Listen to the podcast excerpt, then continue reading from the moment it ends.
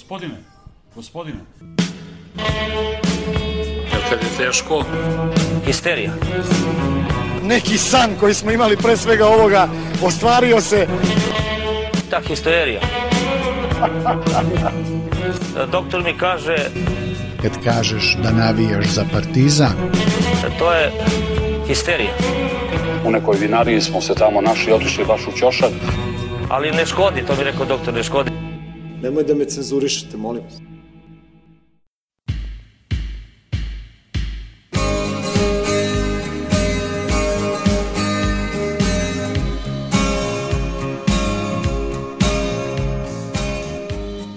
Gde ste narode, sezona 5, epizoda 1. Dugo nas nije bilo, dugo se nismo skupili, jedva smo se skupili. Dugo ti nije bilo šeki. Nisi mi nedostajao. Čekaš Traktore. sa šajter. U ljubavi. Evo, ovaj, okupili smo se nekako. Puno se tema nagomilalo. Čuli ste novi intro. Novo je sve, mi smo stari. Ekipa je malo izmenjena. Miljenka, eksperta za škripu na parketu, nema. On je u prapostojbini. Ti Zapravo, trenutno je u Mostaru U možda. Mostaru, a? Uzeo neplaćeno. Tamo uspevaju samo Ustaše i Poskoci, vrate, ali dobro, eto i Milenko. Ovaj, tu su... Milenko ima, ima ruke noge, da. Da. tu su Gogec, dobri stari užički grobar, jedan od redkih. Jedini sad nakon što je pobodiš. da. I Steva zvani 20 sekundi. Mada može ko Nene Cherry 7 seconds pesma o AIDS-u koju smo raspravili. Kreće sad. Crk miksuje. Kasnije će se uključiti. Javi se ljudima. Dobar dan. Ok, a, ovo što ste čuli bio je naš novi intro za sezonu 5. A, Patreoni su glasali, Vox Populi, Vox Dei. Ima još novih uh, džinglova. Za početak ima jedan jako lep uh, traktorov džingl, a pošto je tražio da malo turira i da se obračuna sa raznim ne, imaginarnim ne, neprijateljima. polako, polako, polako. Nećeš time da otvoriš emisiju? Pa mislim, uh, u stvari hoću, ajde. To Okej. je ono, to je, to je ono što se kaže čekalo nas da, da se vratimo ovaj sa odbora. Aj prvo nek ide ovaj tvoj novi džingl, pa Ajde, onda ajde. za, za se upali, pa Pratite pažnju na listove Fakunda Kampaca.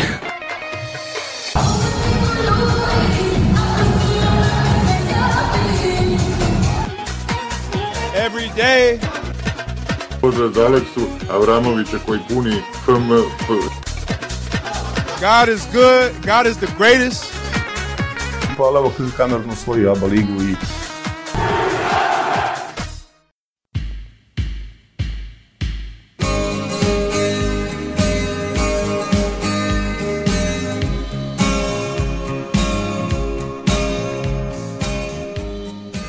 Ako si onda mi se javi. Ovaj, a, ona, poslednja epizoda je, koliko sam čuo, nisam čitao, pošto sa, sad ne mogu ni da čitam, ono, ne znam šta blokira, ne, ne pojma, ono, znaš kad bace ono link na Twitter i super, na X. niko ti se nije javio na liniju. Da, ne. Ovaj, uglavnom, ovaj, vidi... Kupit ćemo ti za rođendan novog svitera. Da, X. ovaj... Us, jel mogu ja... Jel, e, ti, znaš koliko je teško miksovati Iz- sada to? Što ti prekidam. nožem za mazanje, brate. Pusti me sad da završim. Nemojte prekidate, nemojte prekidate najparlamentarniju osobu. Da. čovjeka koji ne prekida baš nikad. Nikog. Jedini koji je uspeo te Geltiju da, Da zbuni, prekine i preskače. Pozdrav. U čvor. Pozdrav za Tegija. e, ovaj, uglavnom, uh, poslednja ta epizoda koja je trebala bude slavljenička, pa smo samo na 3 sata snimili, što protestujem, ulažem, ovaj, ulažem protest i uh, demarš, trebalo je duže, ovaj, je izazvala neke bure povodom nekih izjava, prvo Mirkove iznuđene, zato što nije verovao da ćemo uzeti titulu. E, u suštini on nije mnogo verovao ni u celu tu priču, naročito u Ostoju. To je bio samo moje ovaj neki kapric da ga nateram, da, morao je da, da, da, da se izvinjava. Ovaj, a, stvar u vezi ostaje. Znači, ajde da, da budem konkretan. Čovječe, E, hvalio si ga dva sata u prošloj emisiji, ajde. Da, nisam ga hvalio dva sata, ovaj, samo sam pričao priču ka, ka, kakve, Bukvalno ve- kao kakve Vergilije. Dobro, ajde, okej, ja znam da si ti veliki ovaj, opozicionar i da će Ćuta da bude ovaj, predsednik Partizana jednog dana. Ovaj, ali... Ćufte, da. I Ćuja. Ovaj, ali trebamo biti realni, Partizan je ničiji klub, to je državni klub i dok je državni klub, onaj ko je na vlasti, on će postavlja ljudi. Mi smo imali, po meni, sreću, što, što je postavljen, pa, mislim, ajde, jedini koji je sada, posle, koliko, 10 godina, uspeo i drzno se da uzme titulu. Aj, ruku na srce, stavili su ga kao outsidera, da, nisu, su ga- nisu ga mislim- razumeli mislim kao... Da su, ga, da, da su se preračunali, mislim... Sad si upao u digresiju, ja ću ti odmah reći Ne, da ne. nije uzeo on titulu, nego Željko Bradović i igrače, Dobro, ali brate, ajde, on je doveo Željko Bradović, Ajde, on je doveo je pa da se Trinkija. vratimo. A, poenta. i on nije platio trin, Trinkija i Trink je pobegao zbog njega. Pa dobro, hoćemo da sad se vraćamo da, da, da su Nećemo, svi imali završi- katove u platama, ali Trinki nije hteo zato što je Zavrti, bila... Završi šta si hteo da Uglavnom. kažeš, pa Uglavnom, boli da me e, baš ceo penis za ostoju i za, za celu priču. Stvari u tome što sam ja stvarno kao, kao, kao pojedinac pobornik meritokratije. Ko ne zna šta je meritokratija, nek pogleda. Znači, to je da se biraju sposobni.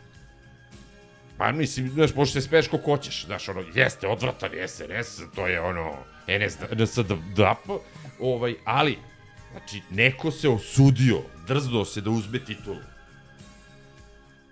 To je taj čovek iz toga. Apropo rezultata i isključivo apropo rezultata i ničeg više, sam ja pohvalio to. Ja stvarno želim da, da, da, da, da pohvalim kad neko nešto dobro uradi. Mislim, znaš, ono, to mi je neki osnovni, ono, normalni kodeks, ono, common knowledge, znaš, ako je neko nešto uradio, ovo, ono. Nažalost, mi smo ušli u vremena, unazad 10 godina, gde se mi bavimo upravama. Ja, pre 10 godina nisam znao ko je u prokletoj upravi, ni futbolskog, ni košarkaškog. To se diglo na nivo od kad je Dioptridis ušao u rat sa Duletom i posle to nasleđeno. E, I dalje stojim iza toga da, da, da je to bila takva šamarčina Ćoravom, Železniku celom, FMP-u i škvadri uh, ovih uh, rezervoar doksa sa Andrićeg venca, da je bila ozbiljna šamarčina. Kao što je bio Markova titula 17.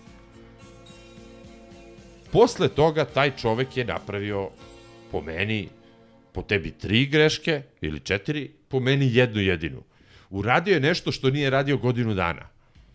Godinu dana se nije zahvalio Vučiću, sad se zahvalio. Znaš, nema potrebe. Ja mislim, ono, prosto na odstrelu si, na, na, na, na piku si, daš. On to ne, i ono, pomiri se s tim, ali ajde, njegova stvar. Ne mogu da, da iz tuđih cipela da, da, da vodim ratove, jer e, niko ne zna kako je kada dobijaš pretnje od ko zna koga, e, e, da ti ukidaju fondove, da ti ovo, da ti ovo. Ne pričam sad o njemu, to ćemo na slučaj ovoga... To je sve, to je sve okej. Znači, ništa od toga što si rekao nije sporno. Meritokratija, priznati kad je neš, nešto urađeno što je okej, po, ovaj, Nije sporno, hvaliti, ja pričam... kritikovati nešto što nije okej. Šta hoću da ti kažem? Znači, malo si pao u neku euforiju i u sviranje oda i zidanje nekog mauzoleja koji de facto... Prvo nije tačno, znači Ne to- zaslužuje. ne, to to to je samo toko Dozvoli sad da ti to, kažem, ne, pošto, ali, sa, pošto nisam, samo. nisam bio prisutan, a rekao bih ti to odmah. Dobro, da. Rekao bih ti to odmah, znači, evo, crk. Jedne kokice.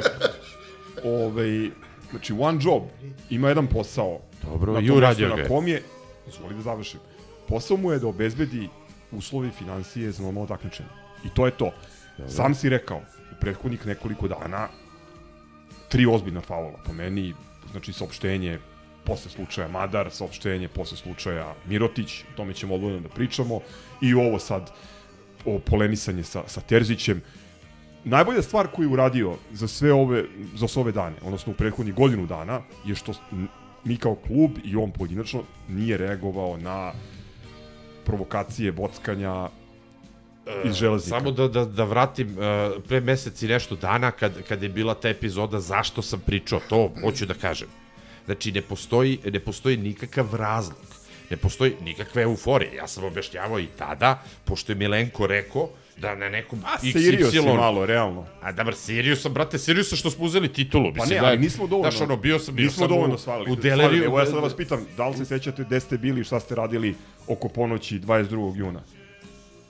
Ja sam bio u Delirium Tremensu i kad smo snimali titul, Ja ovaj, znam, da. snimali tu epizodu. Nije bitno, znači ti sad prelaziš na nešto ono što ja hoću da kažem, moment zbog čega sam Ne, ja... ti si napravio veliki uvod i podstakao si me da se dobro. vratim na prethodnu Znači, emisiju e, u kojoj da, nisam učestvovao, okej. a rekao bih ti Veliki ovo uvod je a, ono moje prvo razočuravanje sa gospodinom, ja sam zaboravio kako se zove taj dečko, što je e, tragač u slagalici, valjda je bio valjda je bio takmičar, pa i potere, da, izvini. Iz diskoteke. Brate, ne, neki dečko što je grobar deklarisan je ovo, ono, koji na nekom forumu se obratio o, grobarskoj populaciji uz priču a, ne mogu da verujem da su underground grobari podlegi, podlegli ostojnoj priči. Šta ti rekao, da si underground? Ne, ne, nam, za nas, je, za nas je sve rekao, to misli i na tebe.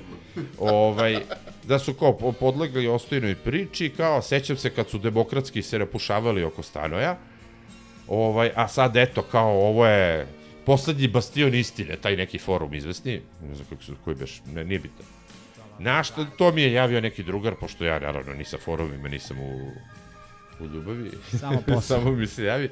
Ovaj, I lepo sam ga, uh, preko tog drugara sam rekao, pošaljem mu moj telefon, nek se javi slobodno, nek dođe da ukrstimo mišljenja. Nije prihvatio. Sve okej. Okay. Ali, znaš, ti dečko, pošto si eto neki celebrity, skoro ko Bojan Perić, ovaj, e, tvoja reč ima težinu. Ja sam te zvao i opet te zovem i, ka, i bilo koga ko misli da, da, da, da, da ovde iza, iza te priče koju sam ja isforsirao, to je više bila naša zajebancija interda pa sa Mirkom i to. Da, ali, znači, neki ljudi su, znači, nisam kupio Range Rovera, nisam kupio Jaguara, nemamo nikakve veze s njim, imamo veze sa Tegeltijom. Tegeltija, ono što je ljudi ovom prošao i prolazi još uvek, to ja ne znam ni da li, da ljudi znaju, nije ni bitno, neću, pošto je to njegova privatna stvar, kakve gnusne stvari prolazi zbog uh, Zbog klubaštva. 14.000 evra. zbog a, 14.000 Znači, evra one je- 4.000 su među vremenu skočene na 14.000 i, Škoda, ja, plus Rapid. ja sam ga zvao u zadnju epizodu zaista zato što smatram to što on dnevno prolazi. A i to što je on lud pa se napušava preko mreža, to, to je već ovaj... Ja, ja ne znam da li sam... njegov problem, ali ono što što on prolazi profesionalno, izvini crk, ovaj, to je stvarno težak maltret, mobbing, ne, ne znam, znaš, ono, zbog toga sam ga zvao da mu se stvarno istinski zahvalim, koliko god da je ovakav, onakav, bilo kome, znaš, ovo ono, taj čovek je zbog tog partizana, je, možemo sve, samo stojimo mirno. Ja zbog tog partizana nisam... Ma ne, možemo se ne slažemo oko sto stvari. Ma Na naravno, kraju ali- krajeva istupu u da, svoje ali- ime, da, pod imenom da. i prezimenom. I ćao, doviđenja. I tu je već koliko, I- 30 godina. I to je cela priča. Hoću samo da kažem jednu stvar u vezi toga, a, ne znam da li sam rekao u toj slavljeničkoj emisiji, jer dosta se popilo, ali taj moment kad ja shvatam, a shvatam gledajući live score na telefonu, jer nemam, nemam nerv da, da. da gledam na televizoru, ja se prvo setio Tegija i bilo mi je draže zbog njega nego zbog mene. Mislim, bukvalno. Jeste, ali da ne idemo u detalje, ali teška je priča. Znaš, teška je priča zbog klubaštva šta sve do, se dobije. To je cela, znači, priča vezano vis-a-vis uh, našeg pogleda histija, ili ajde da kažem mene, pošto sam ja to Pa ne forsir- postoji for- pogled histije, realno. Ne, naravno, pošto se mi ne slažemo oko ničega, ali evo, moj pogled. Pa zato i jeste Ali- kapanska priča i Dobro, ali- si kad kažeš ako, ako gospodin, Dobro. ne znam koji je, ovaj, misli da nešto Tačno, da. ne stoji, kao Ovaj- što bi u kafani vjerojatno prišao našem Ali stolu okej, oni Ja, po- ali- i povezuju... rekao, onda bi možda i došao u Znaš, emisiju, pa Ja, ja kažem, rekao oni kažu histi. Ti kažeš, oni kažu histi. To sad što oni ne razumeju da smo ti i ja, brate, ko Pavarotti i ovaj drugi, ono, Placido Domingo, i da se ne slažemo oko masu stvari, iako smo, ono, Pa jeste malo si Prijatelji se, dugi niz malo godina. si se bucnuo to, tako da, da, da ali paralela ovaj, stoji. hoću ti kažem, e, čisto, to, čisto to da se razjasni, ovaj, Šta si ti rekao? Šta... Rekao ti da si Pavarotti kum. Što, što, sad ti, što me sad sečeš? Prošli put si hteo mi izbodeš, brate, a sad Zato što imaš majicu. A, to je.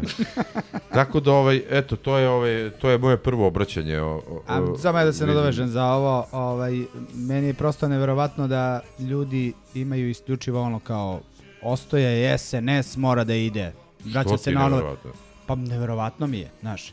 Radujemo se, idemo, ovaj, sve prihvatamo, a smeta daj da sklonimo sve što je, mislim, prosto, kao što si rekao ti u jednom trenutku.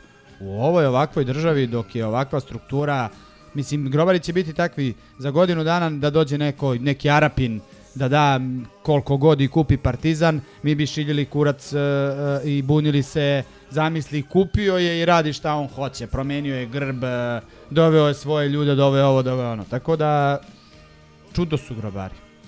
Ma, mislim, mene ništa S- toga Slažem ne se ovo sa Vilijem, znači pljunuti kad treba da se pljune, e, pojesti govno, ono ako si pljuvao pa nisi bio u pravu.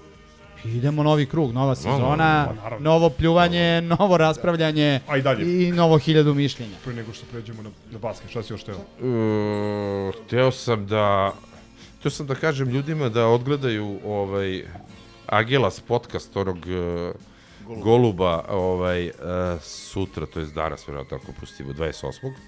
Ovaj gde gostuje naš brat Igor Todorović Zgro. Mislim da se izu opet kod ovoga.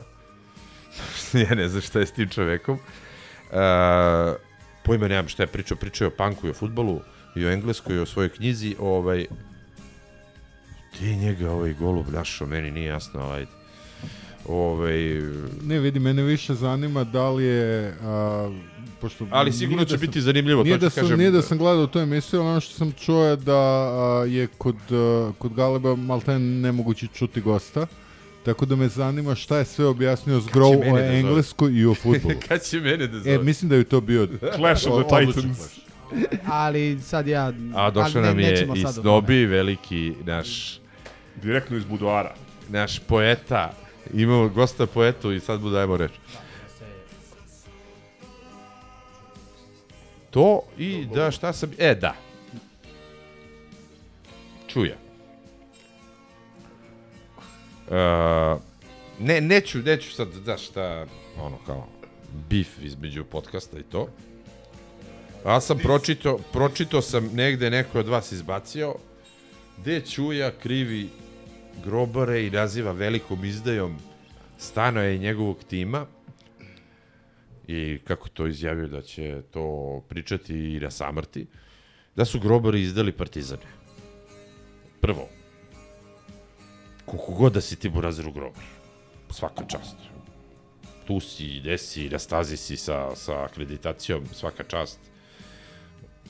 Odakle tebi moralno uh, pravo ili da ti sudiš ko je izdao koga? Jel ne misliš da je recimo ta, ono, po- pozivaš se na utakmicu osmine uh, kupa UEFA ili ove, Slavice Ćukteraš, je se sećaš ti koja je bila cena karte? Je se se, jel, jel možeš nekad? Znači, svi su krivi samo Partizan i ta dobra uh, F-117 uprava nije, ne razumem. Mi smo izdali. Kako, ka, s, kojim moralnim pravom, e, koje si ti moralni titan olim da možeš da kažeš da su 20.000 ljudi izdali Partizan? Rođeni postoji razlog zašto ne dolaze. Da li je finansijski, da li je moralni, da li se svima sve zgadilo? Ili je sve to ono, guloš ceo taj Znači, molim te, ko brata te molim, sledeći put kad pišeš, pošto si uticaja, koliko kapiram, sledeći put kad pišeš ili uh, govoriš, razmisli malo šta pričaš. Znači, ti optužuješ 20, 30, 50 hiljada ljudi koji su stotinama godina uz taj partizan. Da je neko izdao partizan. Čoveče, o čemu pričam? To su ovi moji... E, sad ja opet moram da se umešam, ne da bih s tobom ušao u neku polemiku. Ali da. Ali ne, ali da. Ne, ne, da se ne bi pretvorilo u, u, u dis. Ma nije dis, ali sam ja bio to nisam kulturan. tako doživeo. Uh, u suštini, i mi smo u ovom podcastu, na ovom mestu smo pričali o tome da bi verovatno šanse da se uzme titula u drugom delu sezone bile, bila veća da su ljudi u nekom većem broju dolazili na utakmice, posebno na, na one utakmice na kojima je Partizan žestoko O čemu oštećen, a pričamo to je, o stanoj sezoni. Pričamo o drugom delu stanove sezone, to je pre svega onaj napredak. Pa možda, kad je, možda bi uzeli titulu da smo dobili neki derbi. Vidi, e, kažem, Ajde, da ako mogu samo da završim, e, ne mislim da je da bi pojavljivanje ljudi onda ili sada bio dovoljan način da se pobeđuje, ali mislim da bi to imalo određenog uticaja. Ono što bi definitivno imalo uticaja na, na bolji ishod sezone je da su oni Stanoviću poslao one kolubare 1-0 kad je Menih uhvatio onu volečinu kad smo poro, porodili jedva pobedu da su mu onda ovaj, doveli dva ili tri igrača, da je recimo tada došao Diabate. A da se ne vraćamo to. Da, ne, ne, nego pošto je Vili sad... e, Pa ne, ja, mislim, ja, ja sa tebi pričam o... o Ja ti kažem sad samo nije bitno... Ja ti kažem samo da nis- to nije nis- da to nije isključivi razlog, znači ne mogu ne možeš da kažeš da su navijači isključivo krivi za Ja to. što- tebe pitam na osnovu čega ti to kažeš. Ali isto tako klub koji nema podršku na bitnim utakmicama Pa pi- ne može da se na, a za nada koga je da će pitanje- sudije da se ponašaju Za normalno. koga je pitanje zašto klub nema podršku? Klub koji ne poštuje svoje navijače ne može da se nada znači, ničemu. Za koga je Tačka. to pitanje? Za tebe, mene? Pričat ćemo o sezonskim kartama kad dođemo A, do upravo ovog ta tema će se- tužnog, tužnog dela emisije. Ali hoću samo da kažem da da, mislim, u pravu ste i ti i on donekle, s tim što mislim da ovaj, u, u, jednostavno u tom klubu toliko toga nije postavljeno kako treba i toliko ne valja da su navijači... Da su navijači krivi, šta? Pa ne, navijači su u Znate, hijerarhiji ne- ne- krivice Ne, negde vidi, otprilike okej. na 17, Hoću između da 17. i kažem- 26. mesta. Hoću da kažem, a, da, to što kažeš ima istine, ali izdaja je a, ono, preteška reč, jednostavno. E, z- znači, ovako. Navijači su krivi, mogli su budu krivi 80-ih. U današnje vreme, znači, tržište ekonomije, koliko god sad to zvučalo kretenski, ja ću da gledam ono što hoću. Za, za moje pare koje ću platim pre, propusnicu, kartu ili sve to. Zašto je velika većina koja je do pre dve godine dolazila? Nek je 5000 ljudi, dolazilo je 5000 ljudi na, na onaj ISL. Zašto je odustala? Pa evo ti, Stevo, jesi ti sreo jednog našeg prijatelja sa, sa stadiona, koji je rekao, ja ne bih da bojkotujem sada, ali ja nemam 16.000. 18. Ja nemam 200% skuplju kartu. 300%. Bra- Brate, znači ono, to ni ne, Ne, ne, gudri, to- nemaš te To je deo da- priče, o sezonskim je poseban bezobrazluk Ma ne, sramot, ne, ne, doćemo do toga to, samo... To je alfa i omega problema zašto navijači nisu došli. Nisu došli zato što je Stanoje. To što ja ne volim Stanoja. Što je meni ono ispao dunđer. Znači kao neznalica, ništa drugo. Nisam ja sad kao panter, pa ono SNS Stanoje i to. Znači, nego pričam čovek nije dobio derbi. Znaš, ne, nema šta da pričamo više. A da ne pričam dalje šta je sve. Na plus 5 si otišao izgubio si titulu nek pita malo ove tamo što mu daju on, onaj tag oko vrata, zašto navijači, za koga smo mi izdali, bre? Pa ko je nas izdao? Ne pravimo me metafiziku od kluba, klub je svetinja, nije više rođeni svetinja.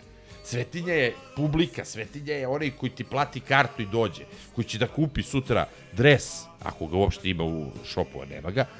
Ovaj, razumeš? Nema ni jedan To je svetinja. predmet.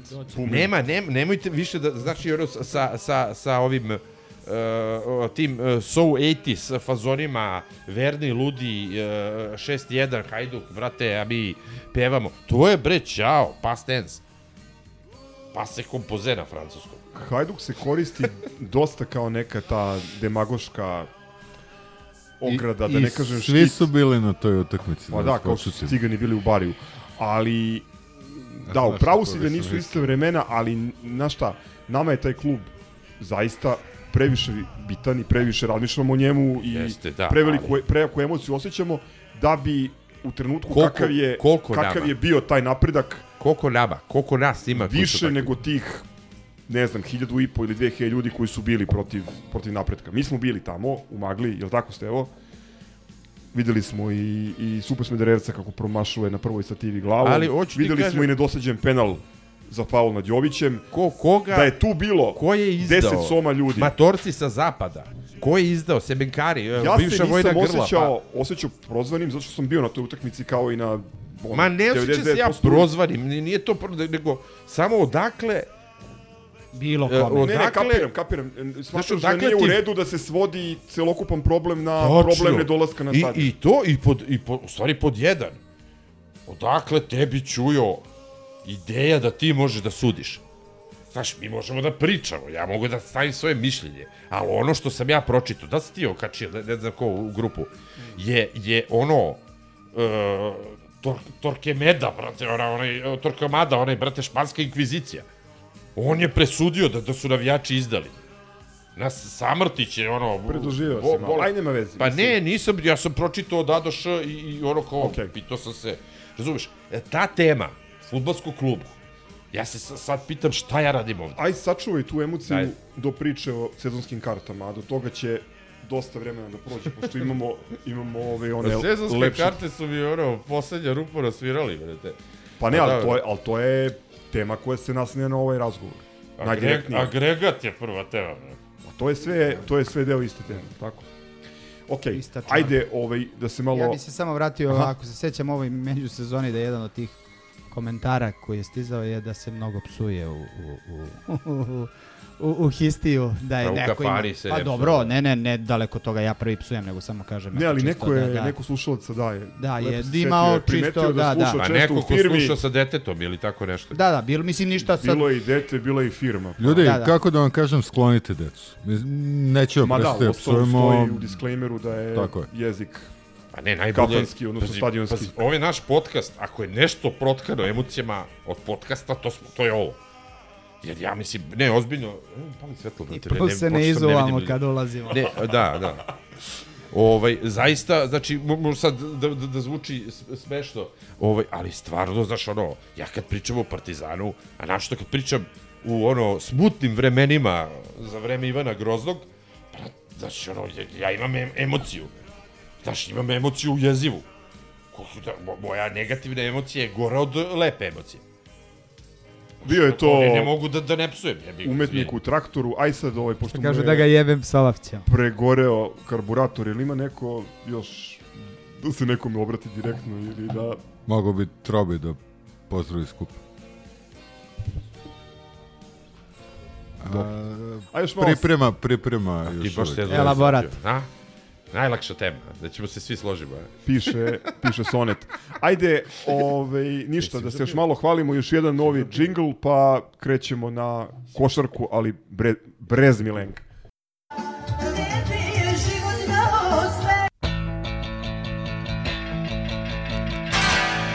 Jebi ga, sad idemo. fucking do or die now. You can't be sad now. E tada se pali mišljenje. Kevin Butler. Oh, he's unconscious, Kevin Butler. Kevin Butler!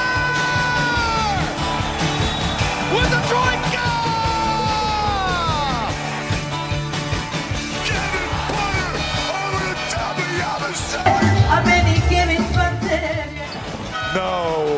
Kevin Butler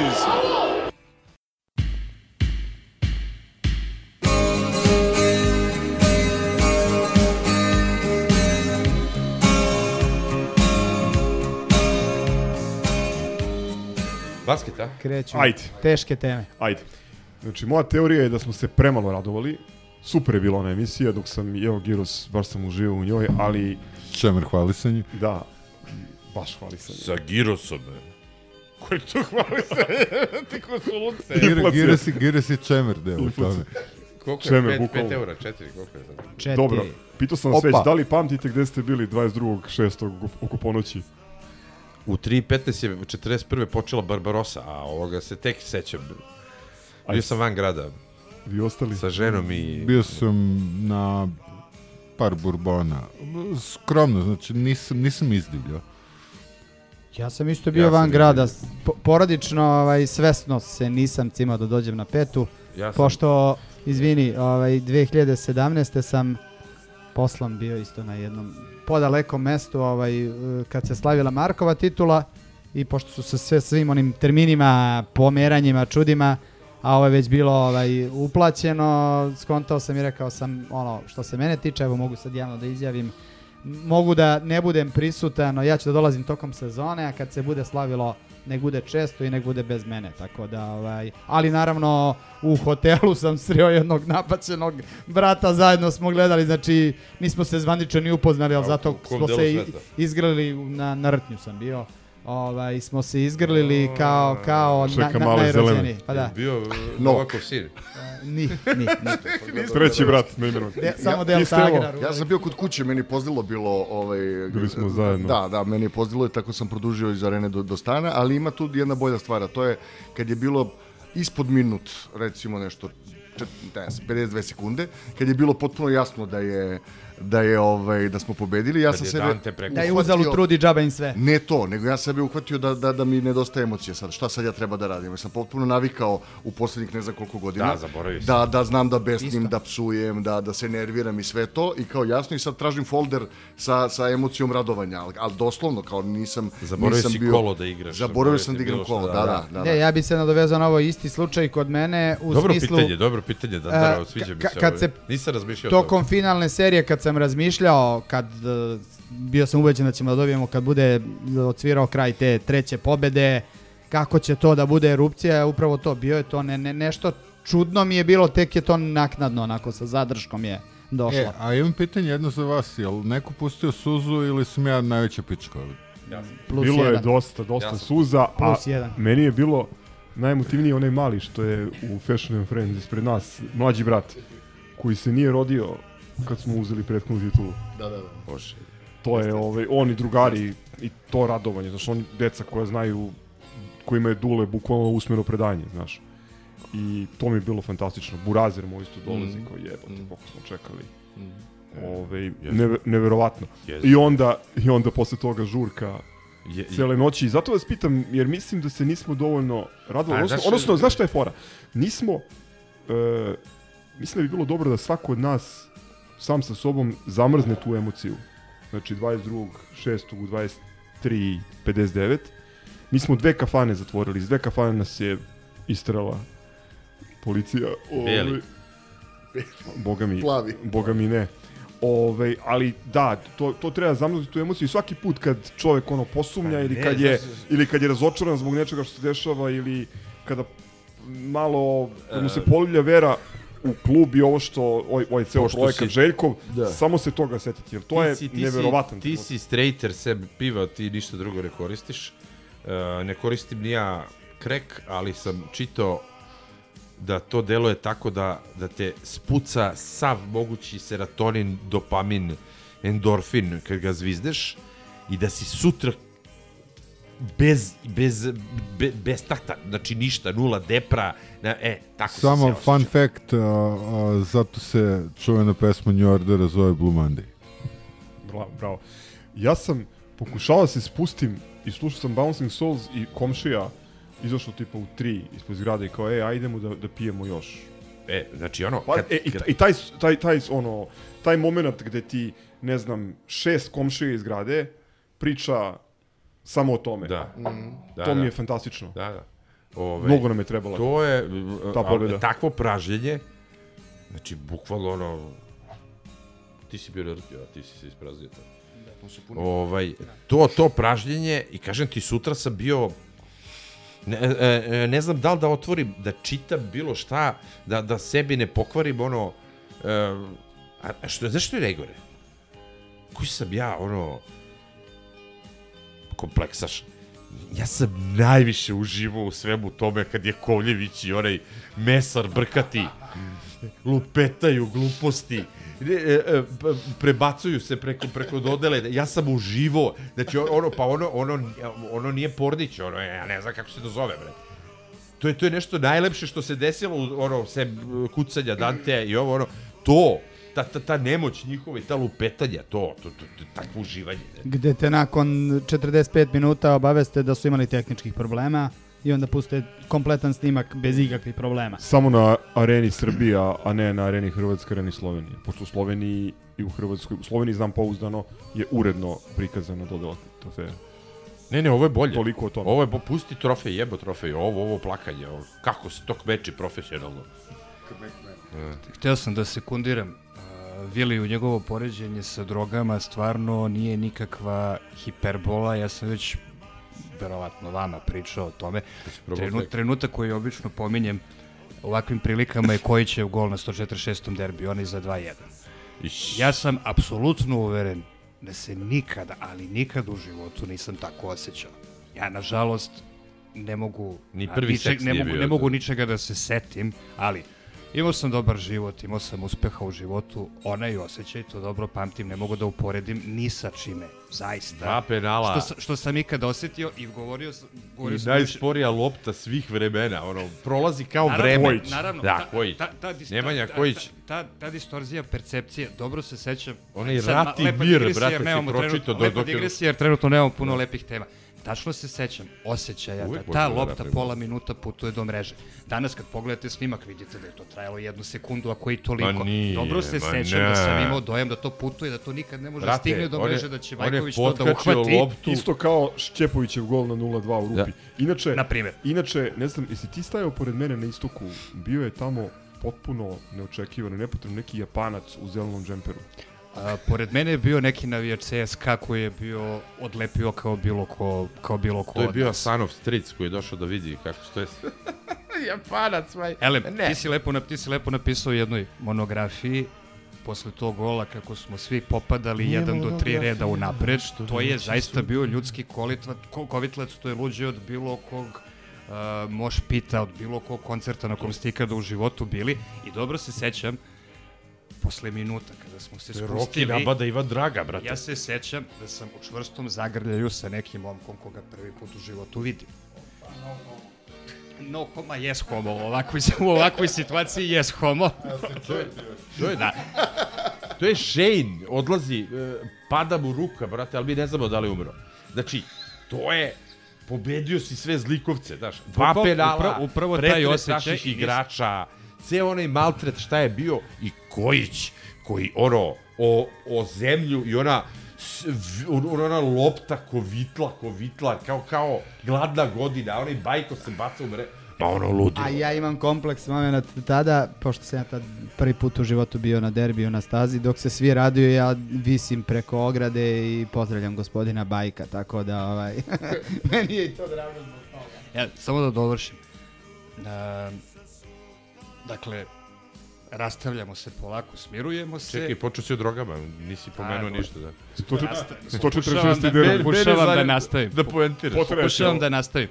Elem, uh, opisao sam to u jednom tekstu koji sam koji sam pisao pre nekoliko, pre nekoliko godina. Uh, rastavljamo se od tog momka, smejemo se, ponovo padamo u zagrlju. To je bilo pravo spontano stapanje na kakvom, na kakvom počivaju revolucije, na kakvom počivaju ozbiljni društveni prelomi. To je, to je emotivno Dobro, stanje, a- to je emotivno stanje u kome se to dešava. Zašto ovo pominjem? Zato što je proslava uh, titule u ABA uh, nalikovala, nalikovala upravo tome. To, to nismo doživjeli ko zna koliko godina na žurci koju pominjamo, ne znam da li da pomenemo mesto, nije ni bitno, kada su se puštale partizanove pesme, upravo tako, a, a, grlili su me ljudi, grleo sam ljude koje po svojoj prilici nikad koji se ne sećam, verovatno, možda sam ih nekada u životu, možda sam ih nekada u životu video, ali ih se ne sećam. To nam je, to nam je, to nam je kada nedostajalo, to nam je kada nedostajalo najviše od svega. Bilo je divno, bilo je zbunjujuće, to ste, to ste pomenuli, ja sam bio na utakmici sa dobrim Sibinom i stvarno sam ga pitao u nekom trenutku kada je postalo jasno da pobeđujemo s tim što ovaj, cinik poput mene i na dva minuta pred kraj, na minut i po pred kraj kad su ljudi počeli da pevaju uzalu tru džaba vam sve, ja sam počeo da urličem ne još. Ne još, ne još, do poslednje sekunde ne, tek kad se završi utakmica, gra, gra, što bi se reklo. Bilo je, kažem, uh, bilo je fantastično i toliko neobično to samo po sebi svedoči o tome šta smo, šta smo, šta smo živjeli prethodnih Što- sedam godina što od, posle, rekao, od poslednje Markove partizan, titule. I koliko nam partizan znači i da se verovatno ne bi toliko radovali i tolika energija se ne bi oslobađala da je to redovno stanje da je to nešto što se dešava stalno. Tako je. I utoliko ja ne mogu da razumem njih sa druge strane i njihove rekordne nizove i, i lažne titule Mislim, mogu da im razumem, verovatno nisam deo toga zato što, zato što ne razumem i nikad neću razumeti. Nisam ni stigao, znači vratili smo se do 146. derbija, nisam ni stigao do ključnog pitanja. Rekli ste mi šta ste radili 22.6. E, Čekaj, izvini, šta je s drogom, bre? Čekaj, šta je... Pa ne, počeo je drog, mislim, poentira. Da, da zavrnem, odnosno kraj kao i početak, što je legitiman spisateljski postupak. samo sa, samo Ćemo sam do da, jaja, samo da. sam hteo da potvrdim to što si rekao da uopšte nije hiperbola u pitanju, da ono što mi doživljavamo, verujem, zaista nalikuje uh, zaista nalikuje opijenosti, konkretno mislim kad bih mogao da reprodukujem to što sam osjećao u prvom minutu nakon kojećevog gola, da bi to bila droga koja bi potisnula, ali, a zaista svaku drugu sa tržišta. Više ljude ništa drugo ne bi Zamislite ne bi koliko je prazan život ljudima koji nemaju partizan. Koji nikad tako nešto Dobro, neće se osjetiti. radio recimo rekao izložbi, pa kao da. Pa radujem se ja Pa nekoj otkud izložbi, ali ne na taj način, mislim. Pa možda, možda se on drugačije raduje. znaš. Pa dobro, da, Novaka treba lepota je, lepota je u, da- u oku posmatrača. Zapravo, hteo sam da vas pitam, šta ste radili 29.6. oko 12 časova? Jel mogu ja da krenem prvi? Atomska bomba, šta hoćeš čoveče? Kesu, bre, da istresem. Nemoj u moj ceger. Moj Da ceger, trećeš bre, kesa. GTRC. GTR. Ceger je pacifikovao navijače, zato nam sad radi. E, da. Signature brew. Brew music. 29.6. 29.6. oko podneva. Oko podneva, Gde ste bili, šta ste radili? kad su krenule da stižu one Notifikacije. notifikacije i meni jedna od dražih poruka, pa ću se vratiti ovaj, šta sam ja radio. Ovaj, ona poruka koju je Milenko poslao da mu Ortakinja šalje, to mi je možda i jedna od najdražih ovaj momenta da mu Ortakinja šalje poruku da kao sedi u kafiteriji, kafiću, gde kao kreće vrisak i urlanje iz šanka, šta se dešava, ono, dva konobara se grle i skaču, jer je Panter produžio ugovor sa Partizanom. A to je bilo 29. Tako je. A ja sam bio na, na nekoj ovaj uh, uh, uh, seminaru gde koleginica koja je muž veliki grobar ovaj me cima i šutira ispod stola Panter produžio, Panter produžio. Šta je ministar kao rekao? Ovaj nije bila ona tu, bila neka neka neka ovaj nešto. Da, de- neka druga priča sa bilo je dosta i nekih stranaca i nas dvoje koji smo tu kao ja ja, ovi nas gledaju kao šta se za Boga dešava i onda naravno Evo, evo, pošto sam boomer, nisam boomer, ja sam Gen X, ali to je ok boomer, a, ja nisam buljio telefon u tom momentu jer sam radio i ustaje, Ja sam radio. u- ust- ustaje Maša već u 12 i kaže, jel slaviš? Što ja slavim? I tako sam, tako sam saznao, ona mi je Vidim, zvala muštuluk. Ti traki. Pa, ja sam bio presrećen, ali meni je pokvarilo, ja sam bio najviše za egzuba, Ledej me je više obradovo, iskreno. Ne sad što sam ja ekspert, nemam pojma, znam da je Panter najvažniji sve to, ali Ledej me je više obradovo i Naneli me obradovo, smorio me egzum, je, mislim, i da ne pričamo Ne, da, da, da se vratimo na onu a, poslednju emisiju u prošloj sezoni. A, ono je bilo realno što je Tegi pričao, to je da ćemo od, od pet, kameru, od pet kamerunaca Da, da. zadržati nula, zadržali smo tri. Tako da, ljudi... I, i to Tako ljudi je. ozbiljno. Ne, ne, ti si u pravu, pazi, Zakle Dej, e, tako, Meni je on- tako, takvu, meni je on, četvorku, znaš, da. takvu četvorku zameniti i naći u evropskoj košarci je neviđeno teško. Mislim. Evo, ti nisi bio prošlu epizodu. Ne. E, slušao si. Jel Dirao misliš da sam u pravu?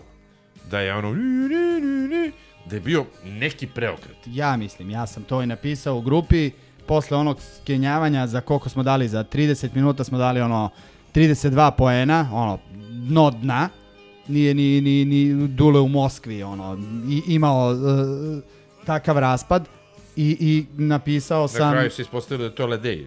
Mi smo mislili da je Panter u tom trenutku. Apsolutno nije bitno ko je, ali sam rekao, ulepšali su mi veče i to me je diglo da nisam potonuo kao što smo svi realno, ne, ja sam, ovaj, kao što smo svi potonuli ono posle onog pesničenja na, na 2-0 u Madridu, pa sam ja bio optimista, pa smo se i svađali šta je sve bilo, ovaj, nemilih scena, nismo završili epizodu i slično, ovaj, tad sam stvarno bio, mislim sad je lako pričati, bio sam ubeđen, ali to me je apsolutno se slažem sa Vilijem, diglo, da su oni ono kao, e sad evo vam, naš. I, i, i plus ono što su posle Da. pričali kako su ovaj, svetlele aplikacije sa policijskom sirenom.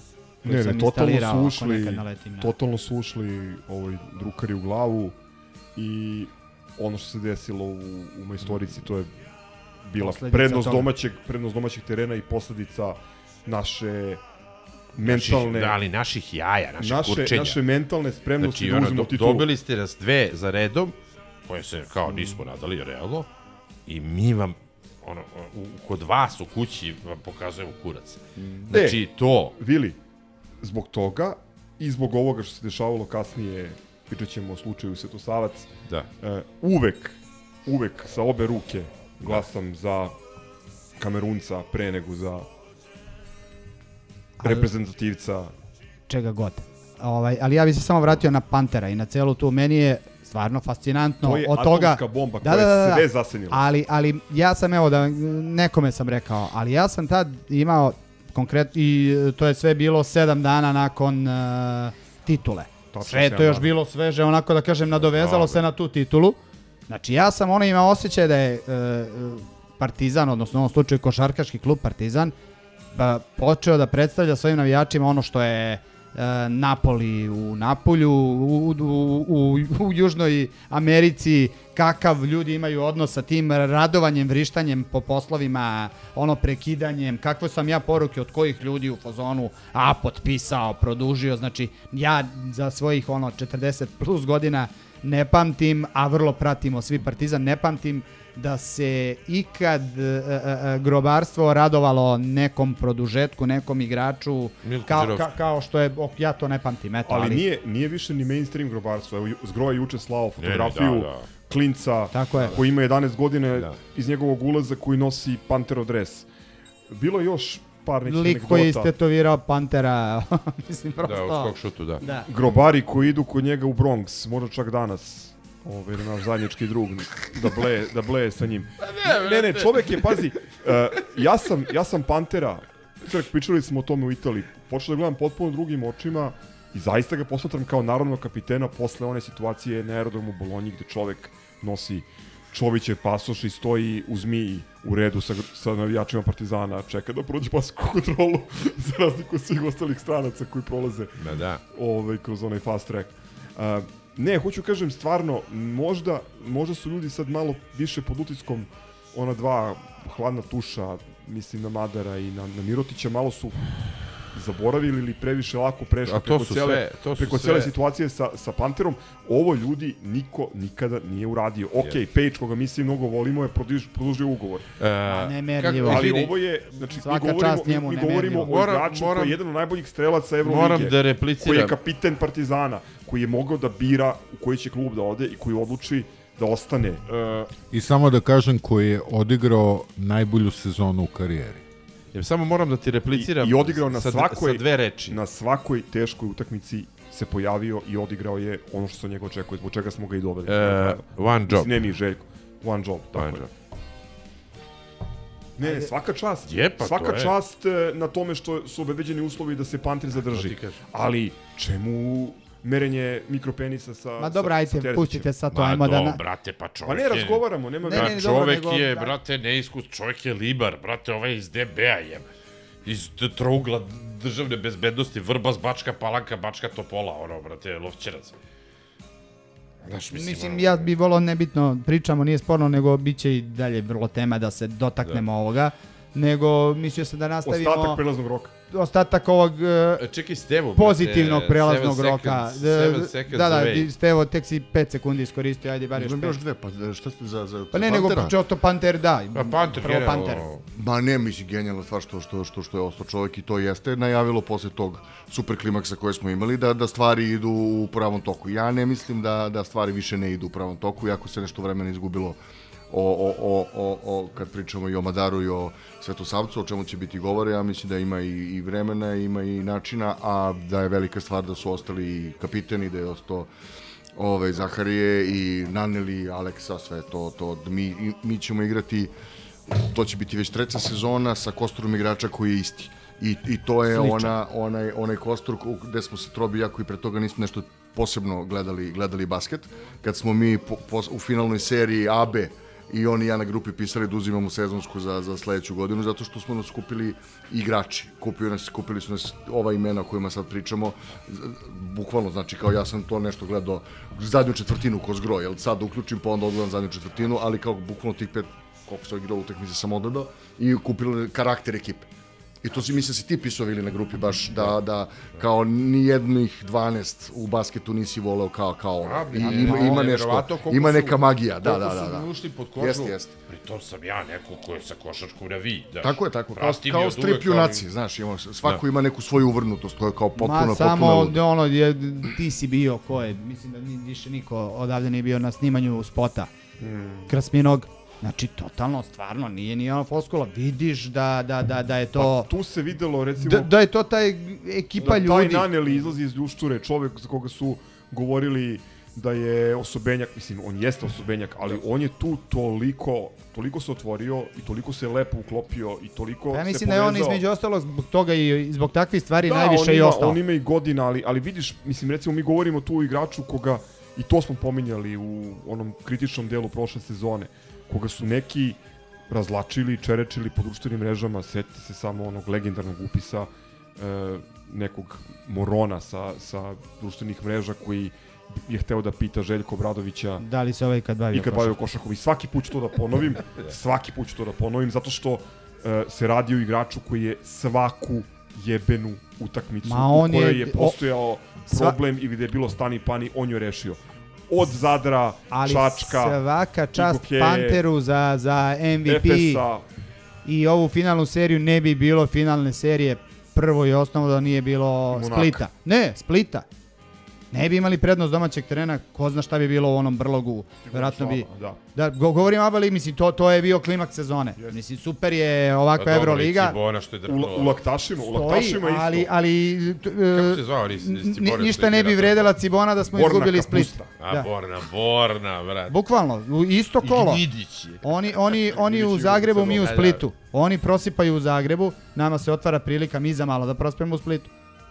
Bukvalno. Znači, bukvalno da nije bilo te trojke, onda posle i studentski centar, ali, ali prosto ne bi bilo ni studentskog centra, ne bi igrali sa njima. Ko zna šta bi bilo da smo išli na, na, na koga već. Vidi. Nije ni bitno, da ne analiziramo Uveri. sad. Tri naj, najbitnije igrača, realno, su ti ostalo. Meni je samo absurd. Ajde, Lesor. Šta ja znam. Lesor je odigrao, Odigrao najbolju svoje, da, tako utakmicu, najbolju sezonu u karijeri i Sa, verovatno... sa srećom ne piti za manastir. E, najveći je absurd. Znači, celog ovog prolazog, prelazog roka je što je jedini lik za kog sam mislio da će da ostane, pošto je bio pod ugovorom, usne vrele kao žar, da li je to Jamadar, je otišao. A one što se nismo nadali, što smo već vidjeli, ono Exodus totalni, ono, Klasičan Panter seče partizan. more na pola, razumeš Pa ono? E, e, to je, to je, e, mene je to više, e, da kažem, pogodilo. Nije me pogodilo, mislim da se on zajebo i u suštini to je njegova greška. Znaš, možemo mi pričamo i Miško, i Savić, i ovi su se, i država, i Arapi, Rusi. Ti si, dečko, ispo alav, po, popio si priču jednog vrhunskog ono, ša, šarlatana i ti si otišao za neke pare. Te pare bi Nije sledeće šarlatan, godine... nego špekulant. Kako god. Da. Šibicar. Ovaj, ti si Jajara. otišao za milion, a taj milion bi sledeće godine dobio duplo. Tako je. Tako je. Zato što, bar ja mislim... Meni je jedina, jedina žal u celom tom slučaju Madar, to što nikada nećemo saznati kako bi taj Rising Star Euroligi izgledao posle treće godine rada sa Željkom Bradovićem. Pa. I On- druge sezone igranja Evrolige. On je u istom- teoriji, on je u teoriji ovaj, ovim što je uradio, verovatno najviše naškodio sebi, Pa to jer je pitanje da li će da li će tamo gde otišao biti biće treći. drugi, treći Pa dok se ili četvrti playmaker. E, Sigurno neće imati ovoliko prostora, sigurno neće kod Itudisa imati ovu vrstu tretmana i Tako je. mislim pričali smo o tome mnogo puta. Željko je neverovatan zbog mnogo stvari, ali jedna jedna njegova osobenost je da čak i igračima na koje ozbiljno rač, ne računa, ovaj, da čak i njima želi da prenese znanje i da se trudi znači na treningu podjednako ozbiljno radi i sa igračem koji je projektovan da bude nosilac igre i, I sa koji igračem popunjava roster tako je, koji popunjava mesto na treningu. E, legitimna odluka Madara, samo jako, jako ružno s njegove strane, e, znaš, ona, ona priča patetična, Poslednjih 10 dana i te patetična, da, njega, njega klub nije ispoštovao sine, e, to što si imao u Beogradu nećeš sigurno imati nigde i bolje to pamti.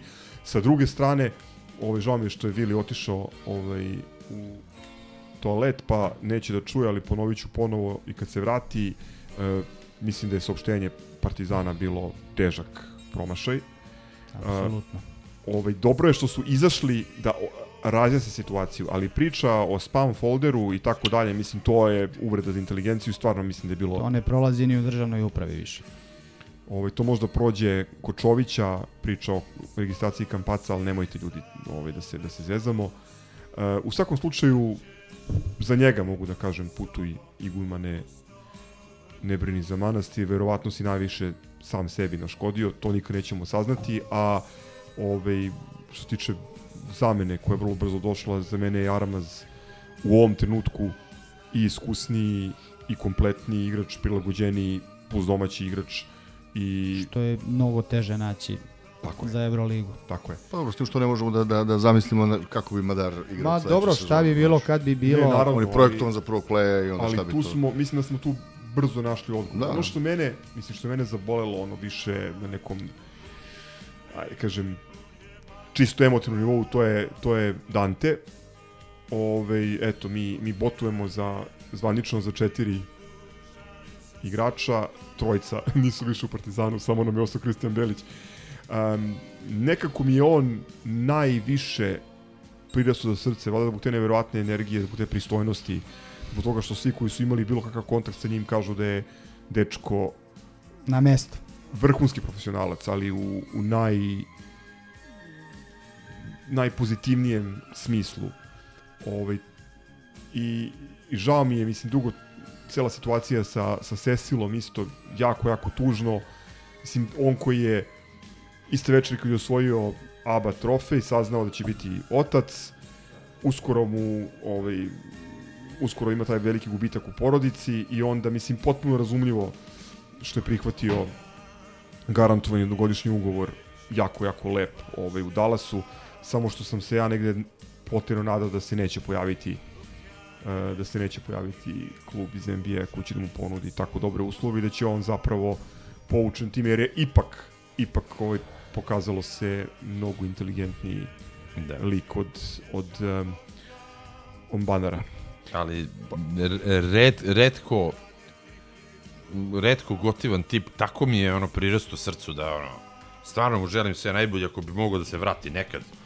Makar kao, brate. Kao rekli da, da, da Pa završi ne, karijeru. mislim, ali, ali pazi, celo ekipi je skočila cena, znaš koliko i njemu skočila cena, ja stvarno nisam, ne znam da, ali smo on je- pričali to, ja nisam... Izvini, on da. za da, razliku od ostalih igrao u NBA uzeo je neke solidne Jest, pare. jest. Ja verujem da je tu, mislim spekulišem sad, ali mm. nagađam da je, slutim, da je ono što je prelomilo njegovu odluku bila ta, ta trudnoća. Jer vjerovatno ovaj, devojka, odnosno žena, želi da vodi trudnoću i da se porađa Da, u da, Americi, da, da. ne u Narodnom frontu. Ovaj, tako da, Šta nama fali? Nema veze. Evo recimo ja. Nema veze. Ovaj, ja bi se vratio samo i na, na, na zapostavljenog Aleksu koji je produžio ugovor i jedino što me ne raduje u celoj toj priči je što će vratno opet da igra za reprezentaciju. da, to je katastrofa. I, jare. I plašim se. Pa da, dobra ide, ali Aleksa mi je nekako ono, ispostavit će se, on se jedino isključivo povređuje u toj reprezentaciji, tako da mislim ne sviđa mi se što će bilo ko od naših da, da, da, Da, igra. na pola sezone. Tako je. Da. Znači ono što, što mogu da kažem, ne treba budeš uh, košarkaški stručnjak, što ja svakako nisam, ali on ako bude bio zdrav sa tom njegovom energijom, ludačkom odbranom, da, uh, uh, da on je ono prva utakmica posle povrede, uh, što bi rekli, promenio momentum protiv Fenerbahčeja tamo i dobili smo tu utakmicu gde apsolutno nismo očekivali, oni su tad beše bili prvoplasirani tim Evrolige, gde je onako polovan, van ritma, van svega ušao ovaj, i, i, i, i, i, i pomogao da se dobije ovaj e, ta utakmica i napravi veliki break. Tako da Bitan to je, isto je velika stvar opet domaći igrač koji pokazalo se bila je ono bojazan da li će moći da li je nivo Evrolige Željko, pusti malo je. Srbe da igraju. Da, ne bi se Ovaj, pecao na to uopšte. A? Ne bi se uopšte pecao na te ciganske fore kao Ma, domaći ko se igrač peca na to? Koga za ili zajebam se, ili to. Ovaj- se on ne osjeća tona ironije. Da, da, nisam. O, o, ono što svi čekamo kao što smo ovaj nažalost nećemo nikad saznati za Madara. Nadam se da ćemo ove sezone saznati ovaj i imati prilike da vidimo da je Balša ovaj kapacitet za, za, za ozbiljna dela da će Pa, ovo i je on da sezona bude zdrav da neće Bubre. Da neće ovaj Kao što je lizati bio Nemanji Joviću i... nargile i ostala sranja, ovaj mislim prosto ono da, da, da sastavi sezonu, da uđe da napravi tri faula, da skoči, da, da, da razgrne, da šta god će mu biti uloga, Čekaj. da rastereti nekog On je prvog otišao na centra. neku letnju ligu, tako. Da. Da, ali oni produži ugovor na koliko? Ne, ne, dobro, da. Duži ugovor otišao u Ameriku u neki kamp da radi. Pa to, to, da. Vidim da... Da se nagruva. Kod Seda Krđelića. Da je digao malo tonus, onako nabucao Pa to, se. to, to. Ali da, Gogec je potpuno u pravu. On nam je i zbog povreda i zbog te mononukleoze nesrećne baš ostao dužan u onih malo utakmica što, kad se vratio jeli, protiv studentskog centra i Ma, ku- protiv Olimpije. Nego ko je pravio razliku u ABA ligi. izgle- izgledao je lošije od mladih Pa igrača je, iz jedino ko je bleđe, ako uopšte možemo da kažemo, bleđe je bio Tristan, sve ostalo... A i Mislim, tu, ako je igrao. i tu imaš, i tu imaš ono različite škole mišljenja, mislim Tristan je na nekim utakmicama ne, početka sezone kao bio okej, a- analfabeta. ali kasnije Znaš, kad bi nabrajao tim Partizana, nije njega imao- bi uvijek Nije zaboravio. realno imao ni prostor, ali mislim da je tu mnogo veći pro, problem voljni moment, odnosno glave, jer ako je momak... Čovjek nosio broj jedan. Ako je momak, e, ajde, razumem Clippers-e, razumem, ne znam komu je još tamo u, opciji, ali ne razumem da odeš u peristeri kod Ćaleta da igraš ovaj, na, na pozemici. Mislim, stvarno, ono, u 20. godini to je... Peristeri, bre. Ili Pa ja ne bi na letovanje otišao tamo, a ne Ali da vi, koliko se ja razumem, u nije, pravu. nije, nije ovaj definisana situacija sa njim, tako da vidjet ćemo... Ja mislim da, da je to i dalje otvoreno s tim što mislim da mu klub neće praviti... Tristera? Mislim ja da neće, ali meni Problem, bar posebno ako deluje... ne želi tu da da, bude. Da, da, ali laički mi deluje da u zavisnosti od toga, pošto vratit ćemo se sad na, na ovaj bogougodni košarkaški slučaj, ovaj, odnosno neugodni za nas. Ne, ne, ne, e, čekaj, čekaj, e, samo... e, ovaj, e, to je da, da, da, da u zavisnosti od e, od toga ko će doći, odnosno ko neće doći i kakav ćemo tim imati, da će onda klub odlučiti da li im je Tristan potreban ili nije. Meni tako deluje, jer e, ako... Ima, postoji to, postoji i voljni moment, jer ako dečko neće se spusti u stave igre odbranu, mislim da Željko ne planira da se tu puno investira. E, takođe, takođe, stani, da repliciram na dve stvari koje je rekao. E, za Aleksu mislim da je e, statistika koja govori o našim procentima uspešnosti i, i, i tome koliko pobedi imamo kada on igra i kada on ne igra, dovoljno objašnjenje cele situacije. Aleksa je ono fantastičan igrač, jako koristan igrač u rotaciji i samo da ga da ga zdravlje posluži, odnosno da da se na tim eh, na Mundu basketu ne desi ništa što što bi Bože moglo zdravlje da, da ne ode uopšte. Ne, Pa da, mislim, gde- nije to realno igra? sad, ali... to bi bilo najbolje. Neke, egzotika neka, neke E, lepe pičke. ovaj pre nego što Jare. pre nego što kreneš na Jare, to smo spomenuli, ali mislim, ja iskreno nisam toliki košarkaški znalac, šteta što tu Pričali nije... smo o Jaretu u kontekstu adekvatne zamene za Madara. Tako Više je, nego domaći igrač koji meni... je on... Meni samo nije jasno zašto on nije ostao ovaj, one sezone kad je Želimir došao, iskreno, to, to mi je jedina stvar koja Zato mi što nije je već bio dogovorio Bayern pre nego Kako što smo znali da će Željko ali, ali... Meni A i neka je otišao malo da prikupi Meni deluje da, neku. mislim, ovaj, na poziciji be- belog igrača smo doveli Poljaka.